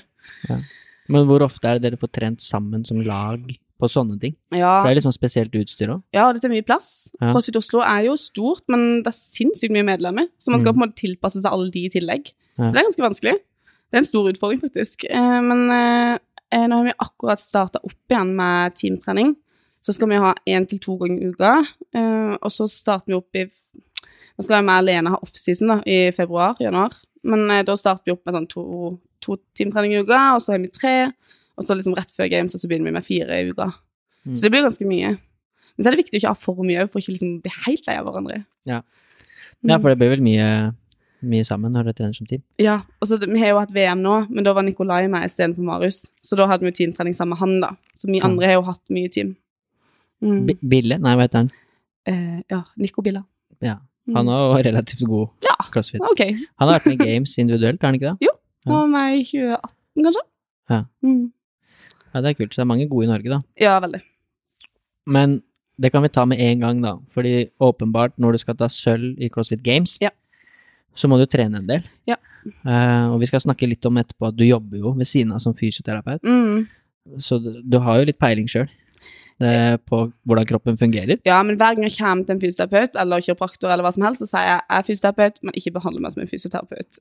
Nei, okay. Det er vanskelig å være på seg sjøl. Ja, ja Sånn er det med alt. Ja. Jeg lager ikke mine egne treningsprogrammer, for eksempel. Nei, for eksempel. Jeg er ikke noe glad i det. Nei. Men eh, spørsmålet var jo da hvor, hvor mye er du trener? Du sa Mm. jo at du sto opp eh, om morgenen og trente, og altså, hvor mange økter er det snakk om? Oh, nå får jeg det standard eh, crossfit-svaret. Ja. Det er doble økter mandag, tirsdag, onsdag, fredag, lørdag. Og så én restitusjonsøkt på torsdag eller søndag. Ja. Sånn svømming eller sånn type som vi gjorde i dag, da. Så 10-11 økter i Elleve, ja. ja. Eh, men det er det jeg skal ha. Mm. Og så av og til blir det en ekstra bonusøkt. Ja, for du klarer jo ikke helt å la det ligge. altså men søndag, da, hvis ikke jeg har så mye planer, så syns jeg det er deilig å ta en rolig løpetur, eller liksom Mm. gå en tur på boksen og gjøre noe, eller ja. Eller hvis jeg har en veldig hektisk uke på jobb, eksempel, så prøver jeg å endre litt, da, sånn at jeg heller Ja. trener dobbeltøkt på søndag og hviler en annen dag, eller prøver å trikse og mikse litt av sånn overskuddet er der hele tida. Ja. Så det er bra, da, for da lytter jeg mer til kroppen og gjør det når jeg føler at kroppen min fungerer. Så nå gjør du det av prestasjon, ikke fordi at du føler at det ikke ser bra ut og sånn. Ja, for Nei. å få en best mulig økt. Ja, det er bra. Mm. For det ser veldig bra ut. Takk. Selv om han kjæresten din er veldig stor, så kan jeg si det. ja, det, jeg tror han syns det er hyggelig. Ja. Ja. Men det er jo eksempel, det er forskjellige typer Men du er jo også sånn Jeg tror det er mange som er imponert når de ser deg, eller folk som driver med crossfit, da. For dere er jo veldig, veldig godt trent. Og det kan nok se veldig sånn Oi, så det er jo helt umulig å bli sånn. Mm. Eh, det er sikkert mange som kan få den følelsen. ja. Men det er jo mulig for de som vil, holdt jeg på å si, hvis du legger ned jobben. Ja, men det er jo det. Men det er liksom sånn på en måte, Det er jo sykt imponerende det vi gjør, fordi at vi skal på en måte løpe raskt, vi skal sykle raskt, svømme, løfte tunge vekter og gå på hendene og alt. Men Mm. vi blir jo aldri best på noe, da. Sant? Så man er jo på en måte best på alt, men ikke på én ting. Mm. Jeg hadde en kompis som drev og spurte om ja, men hva løper du det og det på? Og han ble jo ikke imponert, sant, fordi at han løper jo Eller de Han, han er løper. Ja, Ja. og løper, da. Driver med Mm. Og, og de skal jo være bedre enn oss, sant? men det er jo på en måte imponerende å klare å løpe en fem kilometer på en gitt pace, og så løfte treeren på en tung vekt i backsquat etterpå, Ja. sånn som vi gjorde i Games. Så det er det at man må være god på så mye, da. Mm. Og det syns jeg er kult. Det passer meg bra. Mm. Ja, det er det som jeg mener, at det, crossfit kan jo passe veldig, veldig bra hvis du ikke er sånn helt ekstrem. Mm. Uh, og du må jo være helt ekstrem hvis du skal bli best på 100 meter eller Ja, ja, ja. 400 meter hekk, eller ikke sant, da er du god på bare det. Mm. Eh, så crossfit kan jo passe for veldig mange som er litt sånn allround. Ja, og det er alltid noe du kan gjøre, da. Sånn, Ja. Vi har snakket om alle mine skader, og det er sånn, selv om jeg skader en plass, det er alltid noe jeg kan gjøre. Og det er ganske kult. Mm. Mm. Jeg tror det er derfor folk blir litt hekta, både at eh, det er mestringsfølelse, at du Ja. lærer deg nye ting. Det merker vi her i boksen også, liksom. det er veldig gøy å se. Nå coacha jeg mye her før jeg dro da, til Mm. Romania. Det er veldig gøy å se når noen i en alder av 35 lærer seg å stå på hendene for første Åh, gang, er eller kan sånne ting. Det, det tror jeg folk syns er gøy, da. Mm. Uh, og så viste de jo Functional Fitness NM på TV Ja. på NRK for første gang. Ja, på NM-veka. Mm. NM-veka. Mm. Det var kult. Og Ja. det syns jeg er på tide, da. Og det syns jeg var kult med Magnus var kommentator, og det ble liksom veldig sånn ordentlig, og Silje, det ble et sånn ordentlig opplegg, da. Ja, vi har fått veldig bra tilbakemeldinger på det, da. At folk bare Oi, det er jo egentlig ganske kult det dere driver med. Ja, Mange flere som på en måte skjønte litt hva vi gjorde. Eh, så det er veldig, veldig gøy. men det er det jeg mente, for jeg viste det til familien, da, til Ja. eh, pappa og noen andre, og liksom de er sånn Det er helt sjukt det den driver med. Mm. De står på hendene og gjør alt, de skjønner jo ikke hva dere gjør. Nei, nei. Annet at de syns det er veldig imponerende Mm. å se alle de tingene dere gjør med kroppen, da. Ja, det er. Det er veldig gøy å se på. Jeg tror det er veldig mange som kan synes at det er gøy å se på det. Ja, det er publikumsvennlig. Ja, Det meste, i alle fall. når Mm. du får opp øynene for det, da. Mm. Så det er gøy da, at det har blitt en idrett, og at man viser det litt på TV, og at det på en måte Ja, men vi er ikke for mye i mediet. Eller i mediene? Nei, ikke i det hele tatt. Det syns jeg er veldig bra, da. Jeg husker jeg la ut uh, Nå husker jeg ikke hvilket år Kristin Holte ble nummer to i Games, Mm. om det var 2019 eller uh, Jeg husker ikke. Nei, det var 2019. Ja. Mm. Og da Ikke sant, jeg følger med på CrossFit, Mm. og bli nummer to i CrossFit Games, i hvert fall i så mange gode som det var på dame, er Ja, syk ja. prestasjon. Det var helt sjukt. Og jeg er litt sånn idrettsnerd, og det er veldig få ting som kan toppe det, Mm. Uh, syns jeg, da. Det er Ja. veldig, veldig, veldig god prestasjon. Vanskelig å oppnå. Og så tror jeg Jeg tror ikke det var en eneste av de norske store avisene som skrev om det, da. Nei, jeg lurer på om det kom et avisoppslag etter hvert på sånn abonnementgreier fem dager for seint, sant. Ja. Det er jo helt sjukt. Jeg husker i hvert fall jeg la ut et bilde av henne. eh, Mm. Så tagga jeg henne, og så tagga jeg TV 2 og VG og masse, da. For det, hvem er det? Ingen som skriver om det, da. Mm. Så det er gøy at de nå viser litt mer, da. Ja. Det er fortsatt lite, så det er absolutt ikke for mye media. Men faktisk, min lokalavis er ganske bra. Jo, men lokalavis er litt annerledes. Ja, det er det. Fordi da, ikke sant, Vennesla bor det ti stykker, så Mm. der skjønner jeg det. Vi fikk, eh, Etter Games i år så fikk vi faktisk en sak i VG. Ja, bra. Men eh, det handla veldig mye om Instagram. Mm. Og det er jo litt sånn ah, dritt. Ja. Det er jo ikke Instagram, selv om vi legger ut kule bilder på Instagram, så er det ikke det det handler om, eller hvor mange følgere vi har, eller Nei. ja, Vil at de skal se på hvor kul prestasjon vi har gjort, da. Selvfølgelig. Så Men det er en fin plattform for å vise fram det du driver med, da. Ja. Sånn at få folk interessert. Ja. Det tror jeg du kanskje er litt avhengig av uansett. Ja, så jeg håper at det kan bli enda bedre, men igjen, Kristin har jo på en måte bant veldig vei for oss norske. Ja. Og så håper jeg at vi nå kan fortsette å gjøre det for de unge eller neste generasjon som kommer. At det blir enda enklere for de da. Ja, ja. Mm. Ja, det er en kul eh, historie. Jeg var på et kurs i Drammen. Ja. Jeg, jeg tror det er 2012, noe sånt. Nesten ti år siden. Og så var jeg på sånn kettlebell-kurs Ja. eh, med ATA, når det akkurat hadde starta. Veldig liten boks i Drammen, den fins ikke lenger. Og så var Kristin Holte der. Mm. Og jeg husker ikke hvorfor hun var der. Hun er fra Drammen. Ja, hun Mm. trente der et eller annet sånt. Og da visste jeg ikke hvem hun var. Og jeg fulgte jo ikke med på liksom Jeg hadde ikke så god peiling selv men jeg fulgte med på CrossFit. Og da Mm. husker jeg hun sa jeg skal til CrossFit Games. Så var det sånn ja, kult. Hva faen er det for noe? selv om vi hadde sett på det. Men sånn reagerer jo folk fortsatt. Ja, det er ikke så bra. Men nå vet jo veldig mange hvem hun er, da. Ja, ja, ja.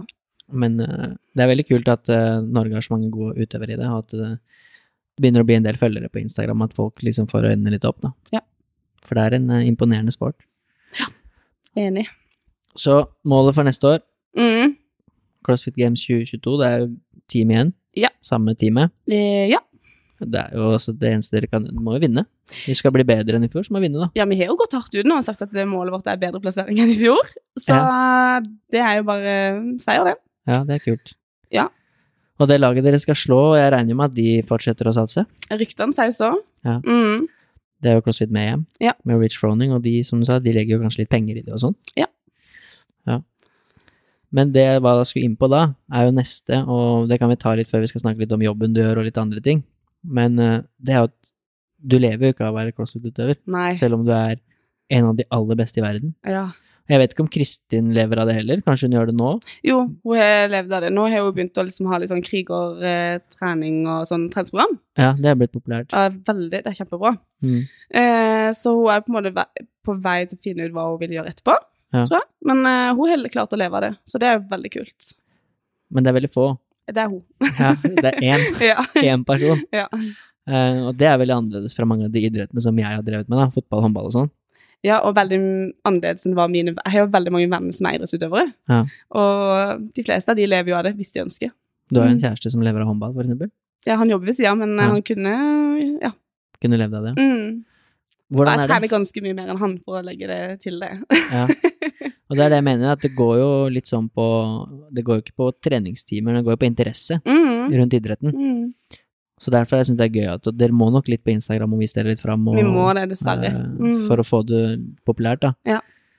For det blir litt sånn, jeg blir litt sånn med damefotball og alt sånn, de fortjener det samme, og det gjør de jo helt sikkert. Mm. Men det går jo på interesse. Ja, Og du kan jo ikke tvinge folk til å være interessert. Neida.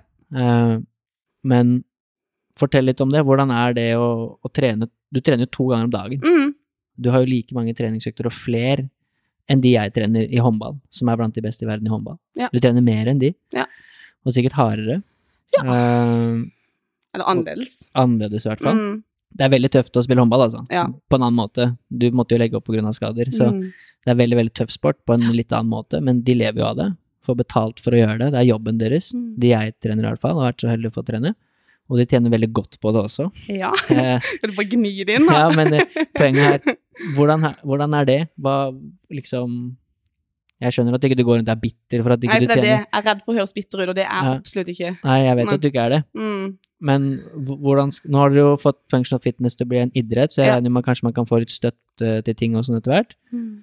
Men uh, hvordan er det å drive på så høyt nivå, og så må du jobbe nesten fulltid ved siden av for Mm. at det skal gå rundt, da? Ehm, åh, eh, man kan fort, eller jeg kan fort bli litt sånn, ikke bitter, men at man er litt sånn, at det virker litt urettferdig. Men samtidig så kan jeg jo tenke at, ja, men jeg elsker det jo, sant? Jeg hadde jo gjort det her uansett, fordi jeg synes CrossFit er så gøy, og det gir meg så mye glede. Så jeg velger jo heller å se på det sånn. Og så mm, i år så har vi jo hatt et veldig godt år, eh, økonomisk med de prestasjonene vi har fått, både på team og individuelt, så jeg har jo en bra eh, lønn i år. Men man er jo veldig avhengig av å prestere, da. Mm. Og så har jeg jo sponsorer, eh, men det er jo begrensa hvor mye månedlige bidrag som renner inn der. Så jeg har vært helt nødt til å jobbe, ja, ved sida. Mm. Men igjen, jeg elsker både jobben min og eh, treninga, så, så jeg gjør det gjerne. Men det krever veldig mye planlegging og Ja, man må være strukturert da, for å få det til å gå rundt. Mm. Jeg tror jo også det er en av grunnene til at dere blir så gode, da. Og det gjelder jo all individuell idrett. Eh, jeg har jo snakket med folk som driver med strongman Mm. og boksing, altså andre typer idretter hvor du nesten må betale for å få lov til å drive med det, da. Ja, ja, men det var jo sånn for meg jo lenge. Ja. Mm. Eh, fordi man kan jo bli litt bortskjemt òg. Ja. Hvis man tjener så mye som mange av de gjør. Mm. Og de er veldig mange av de som er gode og seriøse, altså. Men noen blir nok litt komfortable òg, Ja. av de jeg trener. Og dere må jo legge ned så mye mer ofte. Ja. Så da blir dere kanskje enda bedre også. eh, For dere legger ned enda mer innsats for å få det til å gå rundt, da. Jeg velger å tenke sånn som du sier nå, for hvis ikke så hadde det vært kjipt. Uh, For et mer av potensialet, i hvert fall, da, i forhold til Ja. Problemet er jo bare at man har jo ikke mer enn 24 timer i døgnet, sant? Eller, man skulle jo helst sove ni timer, Mm. og skal gjerne spise riktig og ha food prepper og liksom gjort alt på den riktige måten, men det, tida strekker ikke til. Eh, så det er jo sikkert derfor at jeg får litt sånn småskader her og der. Eh, så det hadde jo vært bra. mm. Å hatt en mer ideell hverdag. Det er jo ikke ideelt å stå opp klokka seks for å trene før frokost. Men, eh, men det har jo funka, og rutinene mine Jeg er veldig fornøyd med mine rutiner. Ja. Så det funker jo. Mm. Ja, det har definitivt funka for dere. Ja. Men hva tror du er veien videre der? Ikke bare for deg og ditt team, men for generelt folk som driver med crossfit. Og nå er det som sagt, det skjer jo litt ting. Og de som er best i verden på crossfit nå, veldig mange av de lever jo av det. Ja, ja, hvis du ser i Eh, USA, alle lever jo av det. Ja, og de har jo etter hvert, det har jo som sagt forandra seg veldig mye de siste ti årene, da. Mm. Jeg husker ikke premiepenger, vi kan sikkert søke opp, men premiepengene for å vinne games i Tre 2011 mil.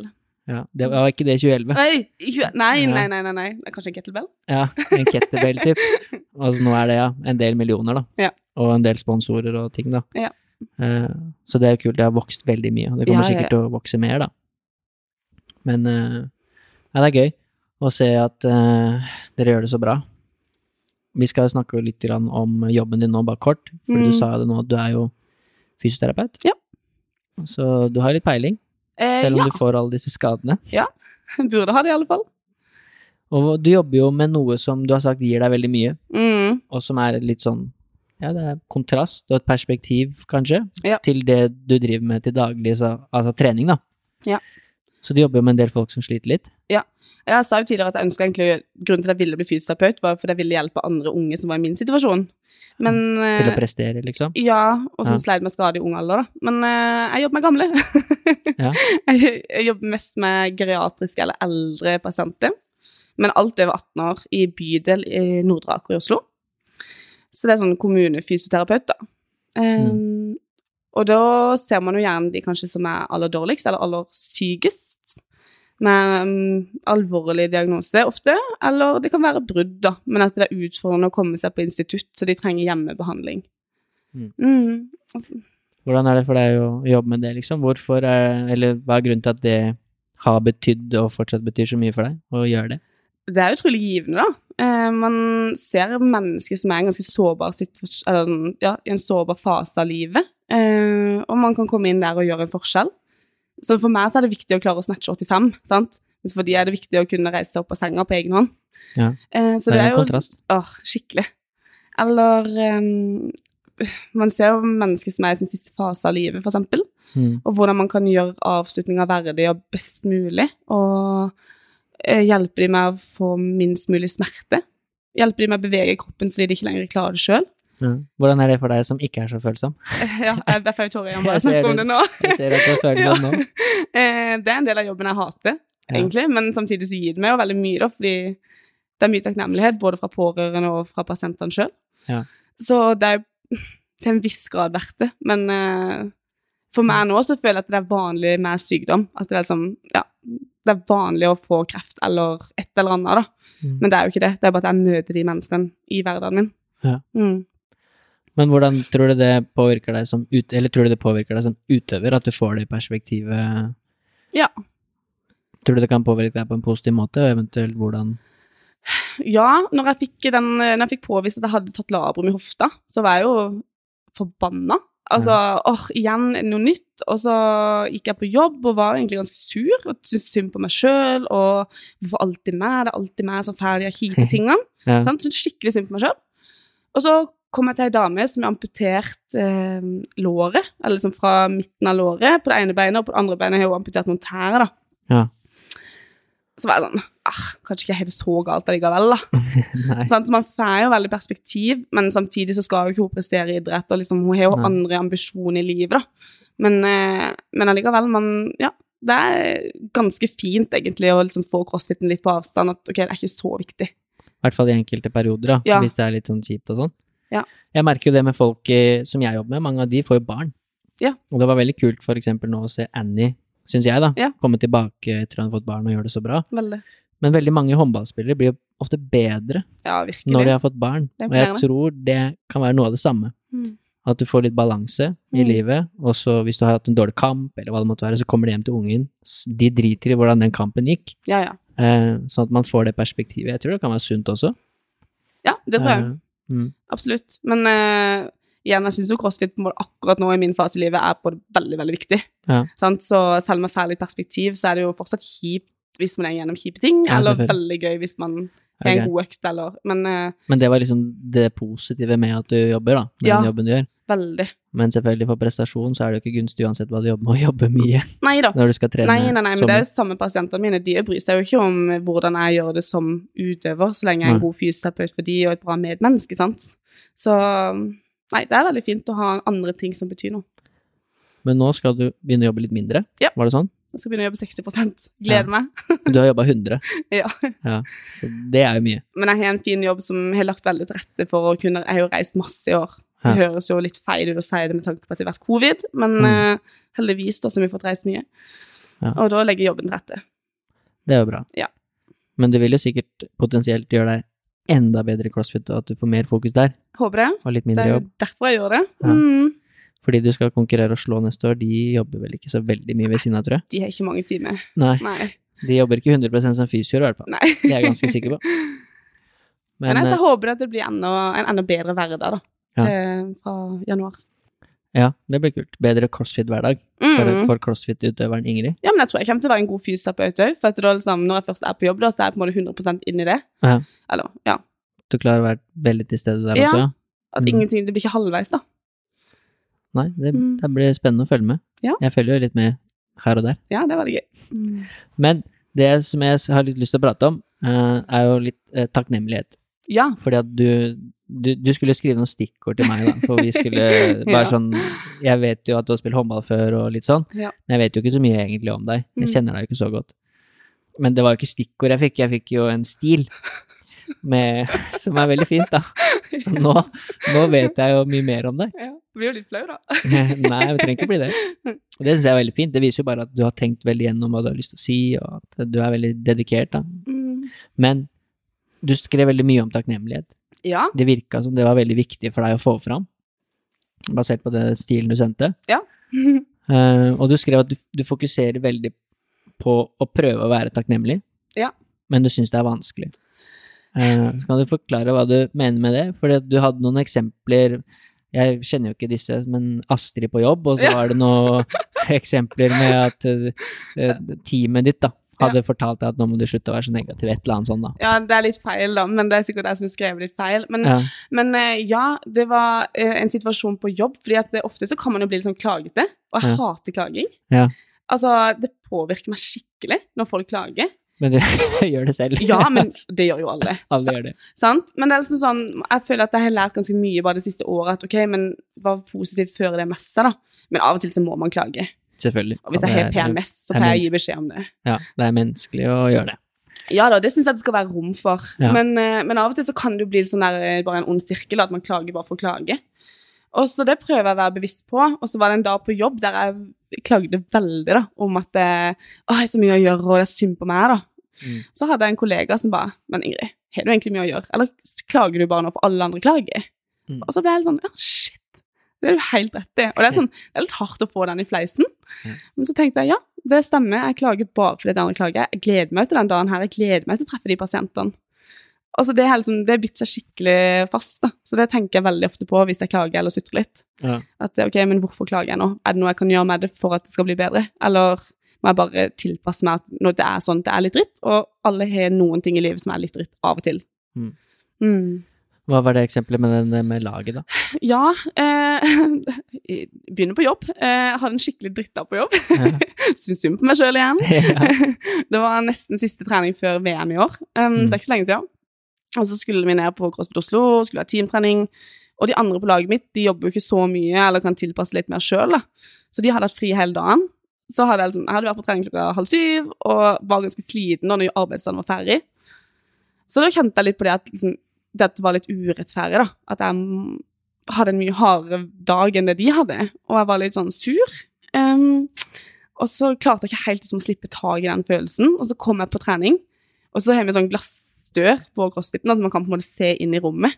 Og da så jeg alle de liksom, på laget mitt, at de bare smilte og hadde det gøy.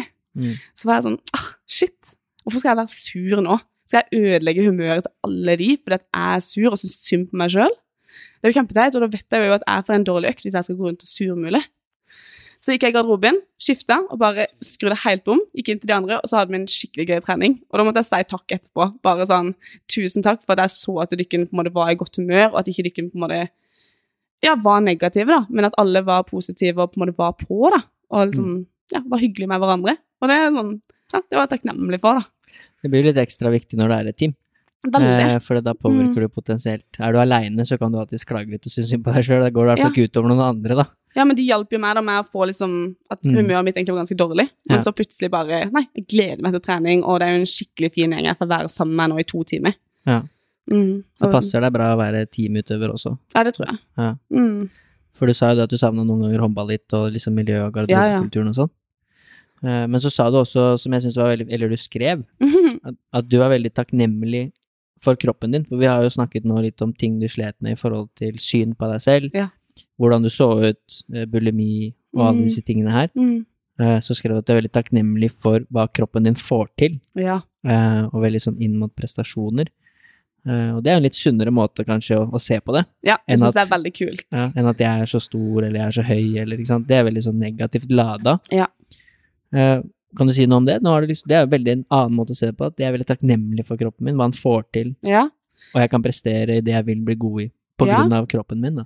Nei, for før så har jeg tenkt ja, med store lår, da, kanskje. Jeg tror egentlig ikke jeg har så store lår, men det er bare kanskje Jeg syns ikke det er noe gærent, gærent med låra dine. Nei, men det syns jeg bare har vært en greie, da. sant? Eller sånn, Crossfitere har jo kanskje store armer, da. Det er jo ikke alle settinger når man skal prøve kjole at det er så veldig gøy. Men, eh, men eh, nå klarer jeg liksom å se på lårene mine at ok, jeg hadde kanskje ikke klart 112 clean da, hvis jeg ikke hadde hatt de lårene, sant? Mm. Eller øh, gjort det skikkelig bra på ekkobike hvis jeg ikke hadde hatt den poweren, eller ja, alle tingene jeg klarer i CrossFit. Jeg hadde ikke fått andreplass i CrossFit Games hvis jeg ikke hadde sett ut sånn som jeg gjør, og at liksom jeg Mm. klarer alt det selv om jeg ser sånn ut. Eh, og nå når jeg ser bilder av meg sjøl, eller Så er jeg kjempefornøyd. Ja, altså, det er bra. Ja, veldig. Det må det være. Selv om jeg er muskuløs. Jeg kommer, aldri til, jeg kommer ikke til å se sånn ut for alltid. Men, eh, men nei, jeg er veldig stolt da, Ja. over alt det kroppen min klarer. At den presterer så bra når jeg vil at han skal prestere så bra. Så Mm. nei, det er jeg takknemlig for.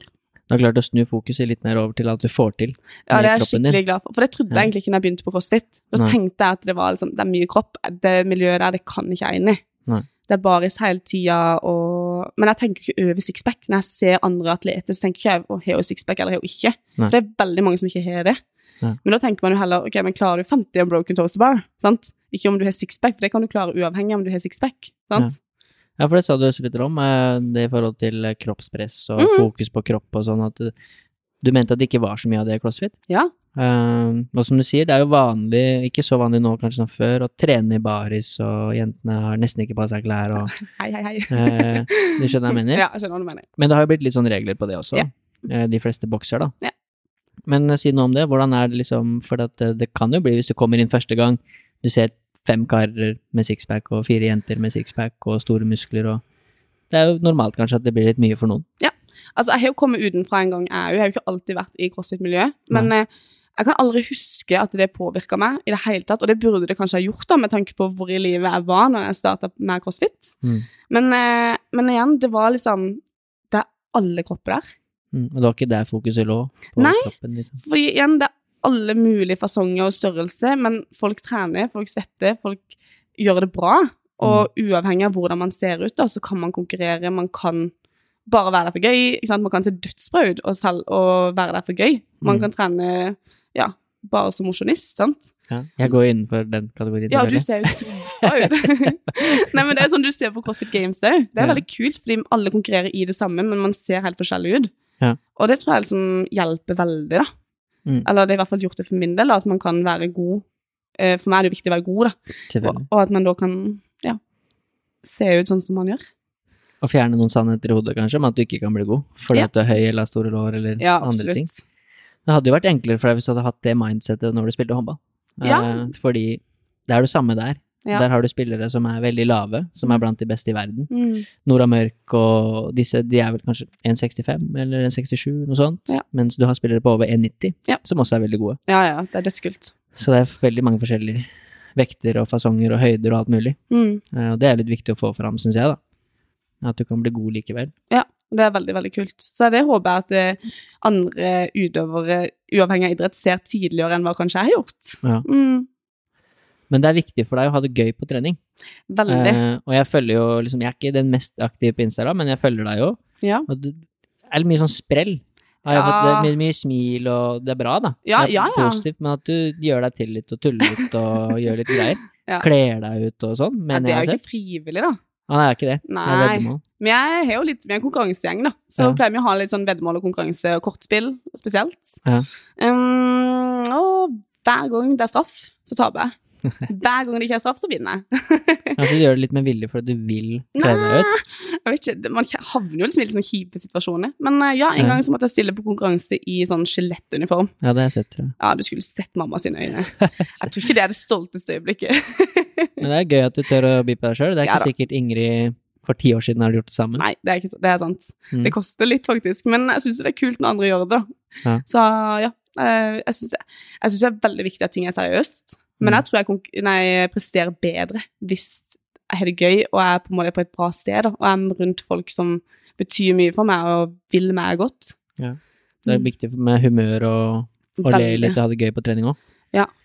Mm. Jeg har prøvd litt forskjellige ting inn mot konkurranse og inn mot ulike økter. Ja. Og jeg er litt sånn, nei, hvis det blir for seriøst, så blir jeg sånn stressa. Funker ikke for deg. Nei. Du er ikke den som må, må bli sinna før du skal konkurrere? Jeg kan godt bli sinna. Ja, ok. Jo, jo da, jo, jeg kan bli Ja. sinna, men jeg kan ikke være for konsentrert. Nei. For da tror jeg jeg blir sånn at det her betyr altfor mye. Skjønner du? Ja, du vil at ikke at du skal bli for mye press, kanskje? Ja, kanskje. Jeg tror jeg presterer bedre da. Mm. Mm. Men hva er eh, superwoman pose? Ja, det har jeg skrevet stikkord på. Og bønn før konkurranse? Ja, det er fordi Etter er dette for noe? eh, Nei, sant. Um, jeg er fra en religiøs familie. Jeg er kristen sjøl. Uh, Du er fra Sørlandet? ja, så det sier seg jo sjøl, egentlig. Ja. Um, og det er derfor jeg har hatt en musikalsk karriere da, før håndball og crossfit. sant? Det var Ja. som det viktigste. Jeg kom jo til Kristiansand i 2016, da. Ja. Jeg har begynt å jobbe i Vipers. Ja. Og jeg er litt sånn, også Kenneth Gabrielsen, som er trener, da. Mm. Han er fra Svelvik, så han er enda breiere enn meg, da. Ja. Og så var jeg sammen med Jeanette Christiansen, hun er fra Mjøndalen, så hun er jo ganske brei i måten å prate på. Mm. Vi kom en del liksom brautende, tror jeg, for Ja. mange av disse sørlendingene. Og det var liksom banning på intervjuer, og for oss Ja. så sier vi liksom er jævla bra. Det er, Det helt, skal man ikke gjøre. det er helt normalt å si, ikke sant, i vårt vokabulær. Der nede ble ikke det tatt så godt Da imot. kan du si at det var veldig bra. Ja, det var veldig bra. Så, og jeg husker det var en status som ble lagt ut med 'nå jævla bra' og et eller annet greier, da. Og da var det masse kommentarer på at det var ikke greit. Du er i bibelbeltet nå. Ja, men jeg, jeg støtter jo opp under det, da. Ja. Jeg, selv om jeg kan si sånne ord sjæl òg. Men, Men det er jeg ikke stolt av. jeg banna, litt mindre faktisk etter fire år i Kristiansand. Det. Det er bra påvirkning. Det er jo ikke fint å banne. Nei, og vi gjør det jo ikke fordi at vi Det er jo som sagt, det er jo Ja, vi er ikke smarte nok kanskje Nei, til å bruke andre ord. Men det bannes på Sørlandet òg, altså. Ja, det er det. Ja. Sava Nei, jo, det Jo. Sava. Mm. Mm. Det, det, det Ikke så stygt å si det. Nei, det er fint.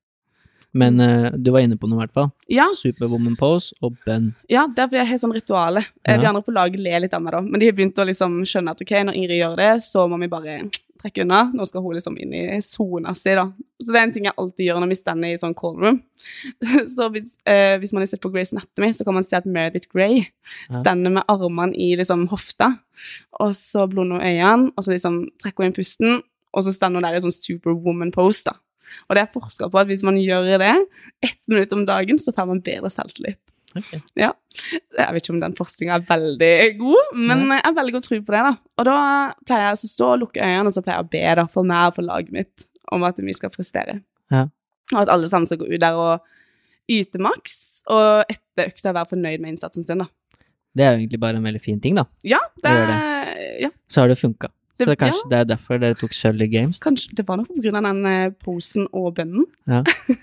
Men de blir ikke med på bønn. Dette må du gjøre alene. Ja, det er av og til, men det ser jeg jo ikke fra blonde øyne. Ja. Så, men jeg er helt sånn, ja, av og til så har de liksom gjort meg litt sånn ukonsentrert underveis, og da blir jeg sur.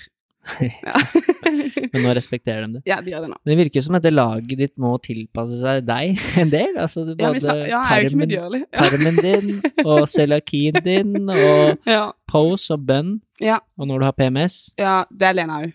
Ja, det er mye Ingrid her. Ja, men Lena er jo på PMS. Ok. Ja. Det er hun andre på laget. Ja, hun er oppdaget. Mm. Mm.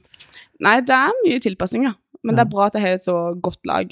Ja. Ja. Jeg er veldig vant til det, så jeg er vant til å jobbe med 20 jenter om dagen i håndball Ja. i mange år, så du merker det. Ja, men det det er er- bra hvis ikke det er 20 av meg der. Ja. Det hadde blitt mye, tror jeg. Ja, man kan merke det hvis man det er litt sånn samtidig Ja. den, eh, den der, og kanskje prøver å slutte med snu samtidig som de Ja. har det og sånn. Sant? Da blir det hyggelig i bussen. Uff a meg. Men uh, det er en viktig del av det. Ja det er det. Det er bare sånn det er. Men uh, vi nærmer oss jo kanskje litt rann slutten etter hvert. Mm. Du har jo fortalt mye, Ja. og noe har du aldri snakka om høyt før. Nei? Det er kult. Eh, ja. Jeg håper det. Ja, det satt Mm. jo litt inne, men jeg tror det er utelukkende bra, da. Og du sa jo før vi begynte at du var komfortabel med å prate om det, Ja, det er på en måte et kapittel jeg er ferdig med. Ja. Mm. Og da, er, da kan det jo være en ressurs for andre, når du har gått gjennom det sånn som du Mm. har gjort, da. Det virker som det har kommet ut på andre siden sterkere. Ja, Men så er det viktig at alle finner sin egen vei, da. Sant? Ja, ja. For meg så responderer jeg bra når folk er harde og liksom sier direkte hva Mm. Ja, at du er dum, da. At, eller ikke dum, men at det er veldig feil ting å gjøre. Ja. Så ja, Du trengte en sånn liten eh, slag i trynet. Mm. Det er bra. Og du er fortsatt sammen med han som sa det. Det er Ja, den samme kjæresten. ja, også Mm. samme han. han. Han er håndballspiller, da. Ja.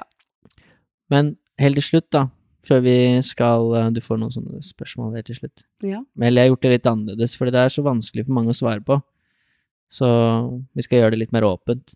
Men er, det, er det noe du ønsker før vi er liksom å si om din historie, eller har du noen oppfordringer til andre der ute som er unge, kanskje? Driver med håndball, driver med idrett, eh, får skader, eller, eller må slutte da, med idretten sin fordi Ah. Ja, det er jo prøv crossfit, da. ja, prøve crossfit. Men uh, ja, nå skal jeg ikke være sånn uh, crossfit-frelst her, men uh, det er virkelig, det er skikkelig bra. Ja. Det er jo ingen som angrer. Men nei, stol på deg sjøl og vær fornøyd med deg sjøl. Altså, jeg har brukt altfor mye tid på å være hard. Altså, ja, angre skikkelig på det. Så bare finn ting som du er bra på, og liksom sett pris på det. Og gled deg over små ting i livet. Ja, og det har du blitt flinkere på. Ja, Du sa jo du er med takknemlighet igjen, du prøver å være, glede deg til noe hver dag. ja men det Alt- gjør jeg. Jeg gleder ja. meg til alt mulig.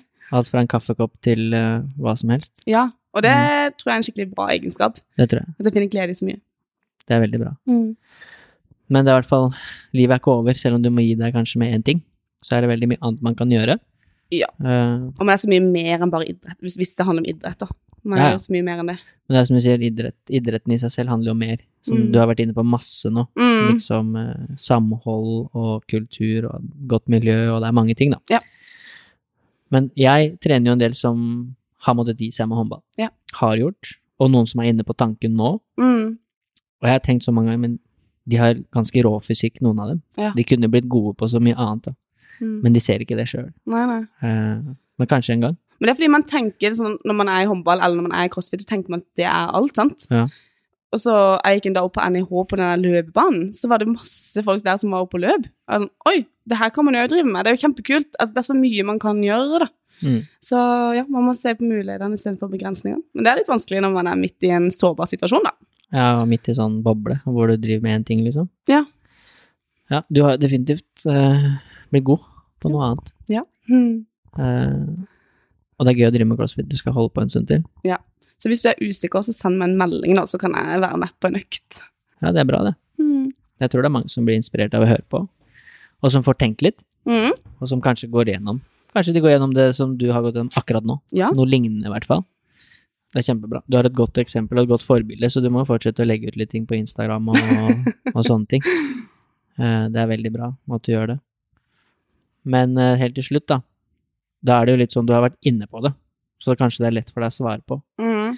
Men før har jeg stilt litt sånne spørsmål på slutten. Jeg vet at du har hørt noen episoder, Det har jeg. men uh, vil gjøre det litt mer åpent, for det er litt sånn vanskelig for noen å svare på. Mm. Men jeg har forberedt meg på akkurat det, da. eh, du har det? Nei, jeg tuller. Men uh, det er jo noe av det samme. Ja. Men istedenfor å liksom si én ting du er takknemlig for, liksom uh, i forhold til takknemlighet, da, Mm. har du noen tips til hvordan man kan bli mer takknemlig? Du har jo vært inne på noe allerede. Eh, noen, også noen kanskje noen konkrete eksempler fra ditt liv, da. Mm. Ting du gjør for å minne deg selv på at eh, ja, dette er veldig bra, eller at jeg har det egentlig veldig fint, eller kroppen min fungerer, hva det enn måtte være, da. Mm. Har du noen ting du gjør på morgenen eller kvelden eller i løpet av en dag? Ja, eller det er mer sånn at jeg som jeg snakker en del om skadene mine, og det er sånn Jeg har på en måte verdsatt mer det at jeg faktisk kan drive med crossfit nå, da, altså i mitt eksempel, men at man setter pris på at kroppen fungerer til litt og datt. Det er jo veldig idrettsrelatert. Mm. Men at man bare av og til tar en pust i bakken og tenker liksom sånn Ser på seg sjøl, ikke sammenligne seg sjøl med alle andre, eller tenke at men den og den personen har det bedre enn meg. Da må man liksom gå i seg sjøl og tenke hva kan jeg gjøre for at min hverdag eller min situasjon skal bli bedre, da, for det er alltid noe man sjøl kan gjøre. Og liksom ikke legge det på alle andre rundt seg, for det har nok jeg jo hatt en tendens til å gjøre, da. Mm. Eh, men nå har jeg blitt flinkere til å ta ansvar sjøl for min egen lykke og for ja, ting som betyr noe for meg. Det var det du skrev. Du- Mm. Men eh, om da lurte jeg på om du hadde noen konkrete ting du gjør for å ta ansvar for det, liksom? Er det bare noe du tenker, eller er det noe, har du noen sånne jeg, ting du gjør? jeg har ikke noe ritual eller noe liksom sånn jeg setter meg ned og på en måte grubler, men det er noe mer sånn generelt at jeg har blitt flinkere til å tenke sånn flere ganger i løpet av en liksom. dag, eller sånn. Ja. og at jeg jeg omgjenges Jeg er kanskje litt mer bevisst på hvem jeg er mye sammen med, da. Ja. At jeg er med folk som gir meg veldig positiv energi, og mennesker som jeg vet er bra for meg. Det er veldig Og det er heldigvis tips. veldig, veldig mange i livet mitt. Det er veldig bra tips, da. ja. Å være med noen som gjør det. Mm. Og så har du den bønnen og superwoman-posen, da. Men det er bare konkurranse. Men du konkurrerer jo en del. Ja, det er sant. Men som, som jeg nevnte i stad, som jeg syntes var veldig gøy, vi var jo i Kristiansand Mm. samtidig, Mm. og der var også en som het Seher, Ja. som var og trente. Og så sa jeg liksom ja, Ingrid skal være med på podkasten, og det var liksom det vi prata om. Ja. Hun bare ja, jeg digger Ingrid, hun gir faen i hva alle andre syns. Det er veldig, Bare- veldig hyggelig. sa. Jeg vet ikke om dere kjenner hverandre fra før, men jeg vet sikkert hvem dere er, da. Vi er på landslag sammen. Ja. Så ja. Se her, Vi har jo liksom alltid tenkt sånn innad på en måte i den jente-crossfit-gjengen at liksom se her ah, Norges tøffeste, og ah, var jo ikke det, sant? Men virkelig, man kan ta skikkelig feil av en person. Hun er Ja. ordentlig kul, altså. Og skikk, altså, hardt arbeidende jente. Skikkelig bra. ja, jeg syns i hvert fall det var gøy at det, det var inntrykket hennes av deg. Ja, men det er at veldig hyggelig, da. ikke bryr deg så mye om hva alle andre syns. Det er jo en veldig viktig egenskap. Ja, men eh, det har ikke kommet gratis, det, altså. Nei, for det er den historien din som er liksom litt unik, er unik, Ja. at nå Sikkert flere som ser på deg sånn. Mm. Jeg tenker jo det når jeg ser deg konkurrere, eller liksom hun er sterk, liksom, og Ja. hun har veldig, veldig god selvtillit innenfor det hun driver med. Ja. Men så har du en historie som du har fortalt nå, at sånn var det jo ikke nødvendigvis før, da. Men akkurat det, så der er et tips, faktisk. Jeg har tatt bevisst valg på eksempel Instagram. Ja. Jeg er jo på Instagram, og jeg er jo aktiv på Instagram sjøl. Men nå kan kommer tipsene fram. Ja, nå kommer jeg på noe her. Mm. Men det er liksom sånn, jeg velger jo hva slags blikk jeg skal gå inn med når jeg logger inn på Instagram. Ja. At eh, jeg tenker jo ikke at folk legger ut når det er dritt. Eller noen gjør jo det òg, det er fint. Men de fleste legger ut når de ter PR, eller hva de har trent, eller hvor mye de har trent. Sant? Når ting på en måte er bra. Mm. Og det er veldig, man kan bli inspirert av det, men man må på en måte ikke tenke at det er sånn hverdagen for alle sammen er, da. Eller sammenligne seg med det, for det er jo ikke en realitet. Nei. og det har jeg nok blitt mye mer bevisst på, da, å følge folk som gir meg ins positiv inspirasjon. Um, ja. Og så velge bort og ikke legge så mye vekt i alt andre, da. Nå har det kommet noen veldig konkrete tips, da. Ja. Eh, Det er jo relevant for mange, sosiale medier. Ja, virkelig. Så det tror jeg kanskje var med på ikke ødelegge litt for meg, men sånn Ja. Man blir veldig påvirka. Ja, når man sammenligner, som Ja. du var litt inne på. Ja. Disse tankene må jo komme fra et eller annet sted. Det må jo det. Sikkert, noe av det er sikkert menneskelig òg. Men at, nå er det to veldig bevisste ting. Vær litt Mm. bevisst på hvordan du bruker sosiale medier, hva du ser på, Ja. eh, og hvem du tilbringer tid sammen med. Ja. Det er to gode tips. Ja, men det er bra. Kan komme langt med det. Men uh, legger du ut noen svakheter på Instagram, da? Nei, nei. Legger du ut når du bommer? Eh, nei, er svært, svært Jo, men du, vi var på Gran Canaria, da la jeg ut et dårlig stup. Men det er jo ikke crossfit, så det blir jo ikke det der nå. jeg kan, kan ikke stupe, da. Det er litt kjipt. Nei da. Eh, men det er jo akkurat samme, sant? så jeg vet jo hva jeg sjøl legger ut, og da vet jeg jo hva alle andre òg legger ut. sant? Man legger ut når man har det gøy, når man er på tur. Man legger ut hvis man sitter alene i sofaen og kjeder seg. sant? Det er jo bare sånn det er. Og det må man være litt bevisst på, da. Ja. Det er bra, Ingrid. Jeg syns det Mm. var eh, en fin episode. Det var gøy å ha deg med. Veldig hyggelig å få være her. Ja, og det er gøy å få med litt crossfit-utøvere. Jeg syns jo det er gøy, og dere fortjener jo litt oppmerksomhet, Ja, men det er hyggelig. syns jeg. Og jeg håper det blir mer. At det blir vist mer både på TV og ikke bare sosiale medier, men Ja. at det blir litt mer eh, nasjonalt dekka. Ja. Jeg skjønte jo at det var mange som hadde tippa at det var Kristin som skulle komme her i dag, da. Ja, jeg Ja. la ut en sånn liten en på Instagram. Ja. Eh, det er jo ikke så dårlig tippa. Nei, men det kan jo være at du kan få henne med i en eh, ny episode, da. Ja, det hadde vært veldig gøy å ha med Kristin Holte. Hun er jo tross alt fra Drammen, så hun er fra samme by som meg. Ryktene sier at hun skal flytte tilbake igjen. Til Drammen. Ja. Da må hun i hvert fall være der. Ja. Eh, hun, hun burde det for meg. ja. Skikkelig har, bra forbilde for alle. hun har opplevd, nei, opplevd, sier jeg. hun har oppnådd mye. Mm. Sikkert opplevd mye òg, men Ja. oppnådd veldig mye innenfor crossfit. Men det er gøy. Hvis ikke du har noe mer på hjertet, så, så syns jeg jeg er egentlig fornøyd. Vi har jo vært gjennom hele den stilen din nå, egentlig. ja. Og så, Var god i norsk. Ja, ja, det Ja. var fint. Jeg, ja, forst, jeg forsto hva du skrev. uh, og så kommer det ut noen videoer som jeg syns er gøy. Der du spiller gitar og litt forskjellig. Yay! Det blir veldig bra. Det er veldig hyggelig å få være med, da, og at du ble med på økt. Ja, Veldig bra, Ingrid. Lykke til neste år med å vinne CrossFit Games for team. Og alt annet du stiller opp i. Miami først, da. Det er ikke så lenge til. Ja, tusen takk, det blir gøy. Hvis vi kan reise. Lykke til. Takk. Tusen takk for at du har satt av tid til å lytte. Det setter jeg stor pris på, og jeg håper at du sitter igjen med noe verdifullt. Hvis du ønsker mer inspirasjon til trening og helse, følg meg, coach Elo, på Instagram. Der kan du også stille meg spørsmål, samt komme med tilbakemeldinger til podkasten. Du finner lenken i episodebeskrivelsen.